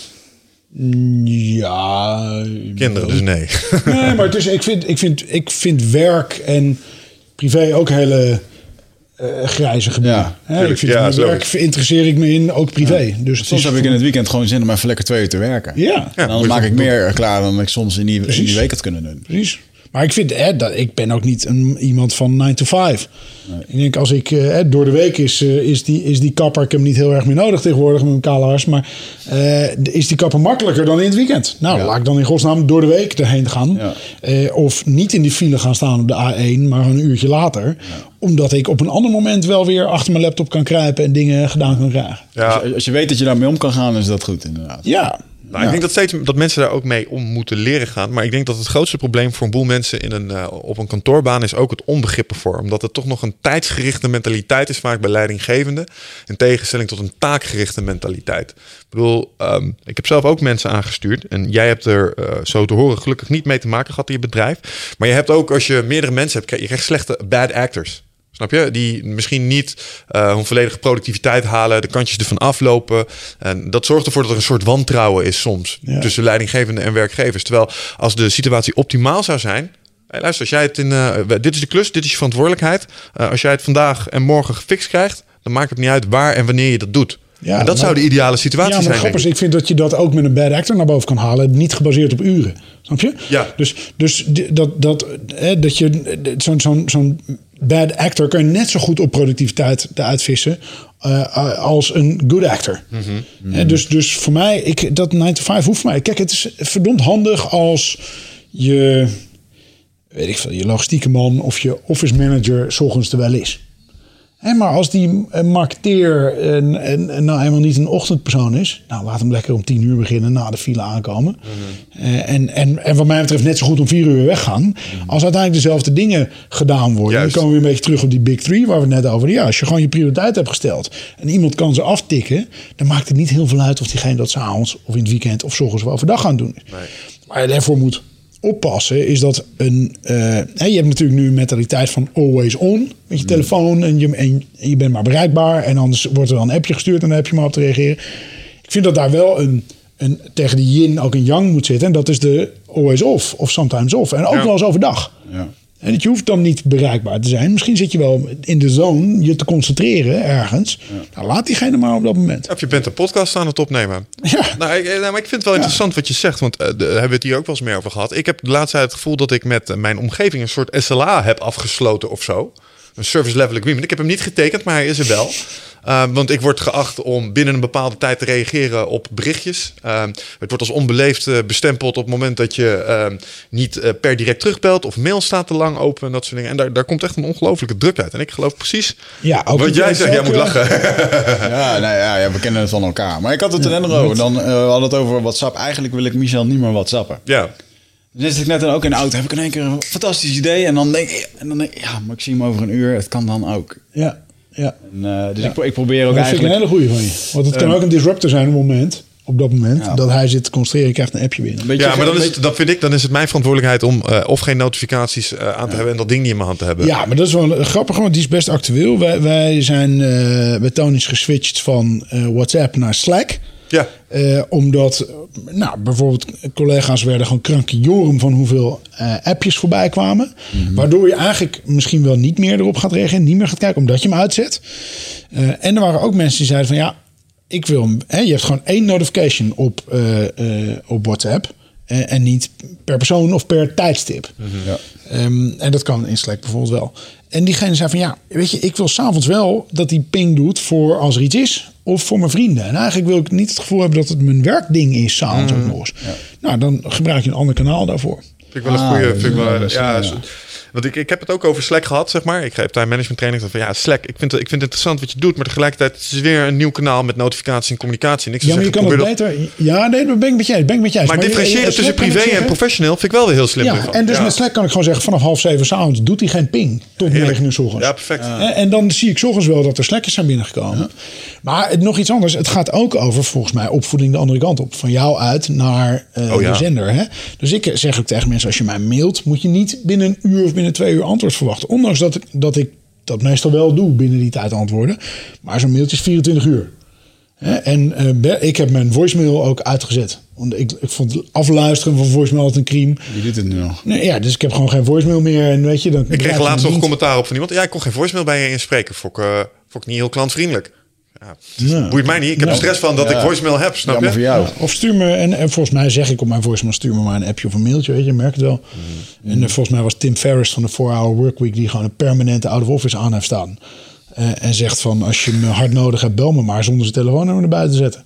Nou, dat is dus gewoon de inner crowd kan hem bereiken en de outer crowd niet. Bel me maar en dan geen nummer. Ja, dat, is geniaal. waanzinnig, ja. ja, van Tim heb ik wel een hoop, eh, hoop geleerd. Maar de laatste tijd ben ik erg geïnspireerd door het boek Deep Work. Carl Newton heeft het volgens mij eh. En eh, dat gaat erover dat je drie verschillende methoden... eh, of tenminste, die deep focus, die moet je opzoeken. Die moet je ook leren. Het schijnt dat veel mensen niet eens een uur kunnen eh, concentreren. Dat is bizar, hè? Omdat je... We worden eigenlijk helemaal omgetraind om continu te reageren. Dus daar raak je ook heel erg goed in. Maar dat, dat, daardoor raak je ook helemaal verstrooid. En, dus dat, die uren opzoeken. Hij is heel extreem en hij doet geen social media meer. Een mooie talk over bij een college waarin hij zegt van veel ondernemers zijn bang van ja, maar dan gaat mijn zichtbaarheid eraan. Hij zegt luister, als je gewoon echt goed werk doet en je presteert en je zet dat neer, dan word je toch wel gevonden. Dan groeit dat nog steeds. Ik denk dat dat makkelijk gesproken is voor iemand met al een aantal miljoenen Ah, volgers. ah, maar, maar met een, eh, nou, volgens mij heeft hij dat niet per se, maar natuurlijk wel met de notie dat je, eh, als je echt acht uur per dag aan je taken kan zitten en niet afgeleid wordt, ah, ik heb die dagen ook wel eens, dan, dan kan je heel veel verzetten. En als je al die dagen hebt, dan betekent ook dat er meer geld vrij zou komen om dat uit handen te geven. Of. Oh zo. Ja, nee, ik denk, ik denk dat je niet om een social media presence heen kan. Maar als je het kan inrichten, dat, dat geloof ik wel. En een hele belangrijke in is de work-off eh, tijd. Dus dat je, oké, het is afgelopen, dan doe je ook echt helemaal niks. Hmm. En voor hem is dat heel belangrijk. Zegt hij, is een methode en hij heeft de verschillende, want het werkt niet voor iedereen. Is dat je eh, op dezelfde dag, op hetzelfde uur eindigt. Omdat je dan, dat, daar went je systeem ook aan. ja, dat geloof ik wel. Dus het zijn Ja. toch wel heel veel rituelen. Kom je toch weer terug op rituelen inderdaad. En ehm, eh, internettijd, ook dat eh schedule je. Dus van 6 tot 8 mag je internetten en daarna niet. S'avonds doet hij niks online, want dan is hij er gewoon voor zijn gezin. Dat is wel echt heel sterk. Ja. ja. Dus eh, ik probeer, maar ik weet je, ik ben continu aan het proberen om daar eh, een weg in te vinden. Maar Mhm. eh, langzamerhand. Volgens eh, mij komt het ook uit deep work dat je, je, je, je neemt vaak, weet ik veel, per uur 10 minuten vrij om te, te ontspannen. En hij zegt juist van, Ja. pak nou eens, eh, plan nou eens juist die, eh, die concentratiemomenten in. Ja, En ook dat eh, hij zegt, eh, de, eh, eh, het denkwerk wat je kan doen over dingen, over dat deep work wat je moet doen. Denk dat nou eens na eh, in de auto. Ga niet op je telefoon zitten of dingen luisteren, maar gewoon denk die problemen door. Of dat je in de tram zit of in de boodschappen doet. Zodat je daardoor beter in je deep work kan Nou, zitten. daar zit een hele belangrijke optimalisatie eh, voor. Namelijk, want voor je deep work fase heb je nog een gather fase. Heel Ja. vaak als jij iets moet uitwerken, heb je daar bijvoorbeeld... eh, bijvoorbeeld jij moet een marketingplan schrijven of iets dergelijks. Dus noem maar iets, een document wat jij moet maken. Eh, je werkt samen met mensen. Je zit ook binnen je organisatie in een waardeketen. Dus soms heb jij input nodig en ben je zelf weer output voor het proces. En die input, dat zie je dan heel vaak. Dan gaan mensen, ja, ik heb tijd ingepland, ik ga hier aan werken. En dan willen ze aan de slag en dan... ehm, nou, dan ga ik nu de marketingcijfers opvragen. Hup, mailtje. Nou, dan moet ik wachten op de marketingcijfers en kan ik nu de komende twee uur niks doen. En ik denk dat als je zo'n blok hebt ingepland, dat het ook belangrijk is dat je hebt nagedacht over, hé, maar wat is de deliverable en wat heb ik nodig om dit ding nu te assembleren? Want dat kun je op voorhand al verzamelen. Dus het, het gatheren. En dan kun je echt je deep in. Want dat is ook typisch een valkuil, die heb ik wel eens gemaakt. Ehm, dan heb ik zo'n blok ingepland en dan zit iets wat ik nodig heb, zit in mijn mail. Dan moet ik mijn mail openen. Want mijn mail staat uit als ik een focusblok inplan. Want dat zijn afleidingen. En dan nog kun je in de valkuil trappen. Dat, dan zie je in de inbox, zie je nieuwe mailtjes. En er zit er één tussen. Dan ga je toch even kijken. Ja, ja, ja, en voor het weet ben je een kwartier verder. Ben je weer die tijd kwijt. Dus al dat spul verzamelen. Ik zet het tegenwoordig gewoon in mapjes op Dropbox. Zijn Een soort assemblagemapjes. Daar gooi ik alle shit gewoon in. Dan hoef ik niet op al die andere kanalen te komen om daar weer de spullen uit te vissen. Want ik verzamel, bewaar best veel in de mail. Maar als ik de mail in ga, is er ook weer het risico op afleiding.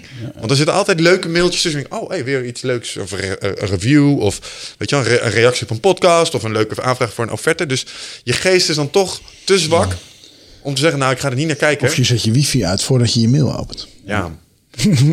dat is trouwens voor jou een mooie vaderschapstip. Die hoorde ik laatst. Ehm, eh, hoe oud zijn jouw kinderen trouwens? 9 en 11. 9 en 11. Dus die, die willen graag gebruik maken van het internet. Oei. En die hebben ook huiswerk. Ja. Ja, dit was een tip van een moeder. Die zei het volgende. Je mag elke dag op het internet, maar de wifi-code, het wachtwoord, is Ja, de uitkomst van deze zes sommen. Dus ga eerst deze zes sommen maken, zet de antwoorden achter elkaar en dan kun je op het internet.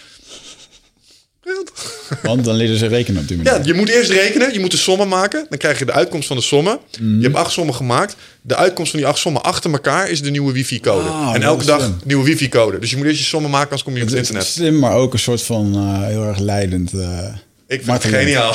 Martelend voor de jeugd. Ik zet er echt, terwijl je het zei, dacht ik je- dat je de kant op zou gaan dat je gewoon je kinderen net zo lang laat internetten als dat ze huiswerk hebben gedaan.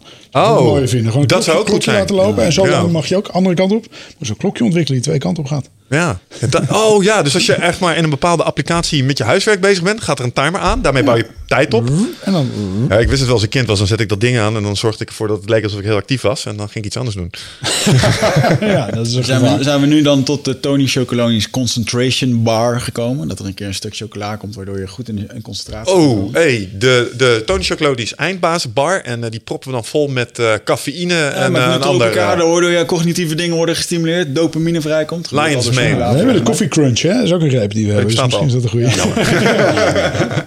Hey, ja, dat gaan we doen. Als we naar daar gaan, die eindbaas experience, dan gaan we de Tony Chocoloni's eindbaasbar doen. Juist hem. En eh, ik stel voor dat we ook even een mooi designtje laten maken voor een rap. Dan gaan we dat echt, eh, dan gaan we daar echt wel wat tos mee doen. Kunnen we een kleine op- Doen jullie kleine oplages? Je kan gepersonaliseerde repen maken online bij ons. Ja, fuck it. Dat gaan we doen, man. Dit is goed- bij deze geregeld, ja. Dat is cool. Want ik vond het onwijs inspirerend dat je hier vandaag was. Ja, man. eh, Leuk gesprek dit. ehm, ja, je, jullie, jullie bedrijf aan zich doet bijzondere dingen. Eh, ik zie ook aan jouw enthousiasme en eh, dat inspireert een hoop. Dat is echt cool om te zien. Dus eh dankjewel voor je komst aan de studio. Graag gedaan. Erg leuk. Z- Zijn er nog laatste dingen die je kwijt wil? Ja, dat die chocolade moet allemaal op. Ja, nou dat gaat goed komen. Lastig, lastig. Eh, die eindbaas experience, dat gaan we regelen. Leuk. En eh, voor onze luisteraars, 27 mei, dan is er ook een, eh, een god Ja, primeur. heel eerlijk, we gaan het gewoon maar even eerlijk vertellen. Je, je, in het begin zei je, ja, Tony Chocolonies, eh we doen niet aan betaalde media-uitingen. Toen dachten wij allebei, kut. Want we gingen 27 mei, gaan wij iets leuks organiseren. We hadden stiekem gehoopt misschien jullie als sponsor te kunnen strikken. Maar dat gaat niet meer door. Maar maak je verhaal af. Het is de grote, wij gaan de grote eindbazenshow eh organiseren. Dus omdat hier al die eindbazen komen. We gaan nu in een locatie in Amsterdam. Wicked Grounds. Er kunnen 150 man binnen. Gaan we een dag organiseren met eh, verschillende sprekers over geluk. Ehm, ik heb mijn geluksverhaal over eh, mijn tijd bij de Indianen. En daar ga ik wat over vertellen. We hebben op dit moment gestri- gestrikt... eh, ja, kan het wel zeggen. Hij heeft wel toegezegd, maar niet 100% zeker. Maar Paul Smit, die is heel erg in het non-dualisme. Ehm, dus volgens hem gebeurt geluk gewoon. Dan kan je er niks aan doen. We hebben iemand anders, heeft nog niet bevestigd. En die zegt dat succes eh, mogelijk een keuze zou kunnen zijn. En we hebben een Casper van der Meulen. Eh, dat is een biohacker. En die weet precies waarom jouw lichaam geluk ervaart of niet. En hoe je dat kan beïnvloeden. Bijvoorbeeld door koud douchen en dat soort dingen. En wij dachten, ja, als er iets met geluk... en ik hoor het jou zelfs in je TED-talk zeggen... iets met geluk te maken heeft... dan is het natuurlijk gewoon chocola. Als mensen geluk willen ervaren. Ja, weet je, ik kan, ik kan weinig toezeggen, maar misschien kan ik daar het verhaal over Tonis komen vertellen. En dan neem ik gewoon toevallig repen mee of zo. Dat zou het gek kunnen zijn. Dat is stiekem een klein beetje de oplossingsrichting waar Zullen we ook al over hadden nagedacht. Ja, ja, Oké. Oké, jij bent van bij deze op 27 mei uitgenodigd. We gaan kijken of we het rond kunnen maken. En dan, eh, luisteraars, ehm, dankjewel voor het luisteren. Tot de volgende keer. Tot de volgende keer. Ciao. Tot ziens.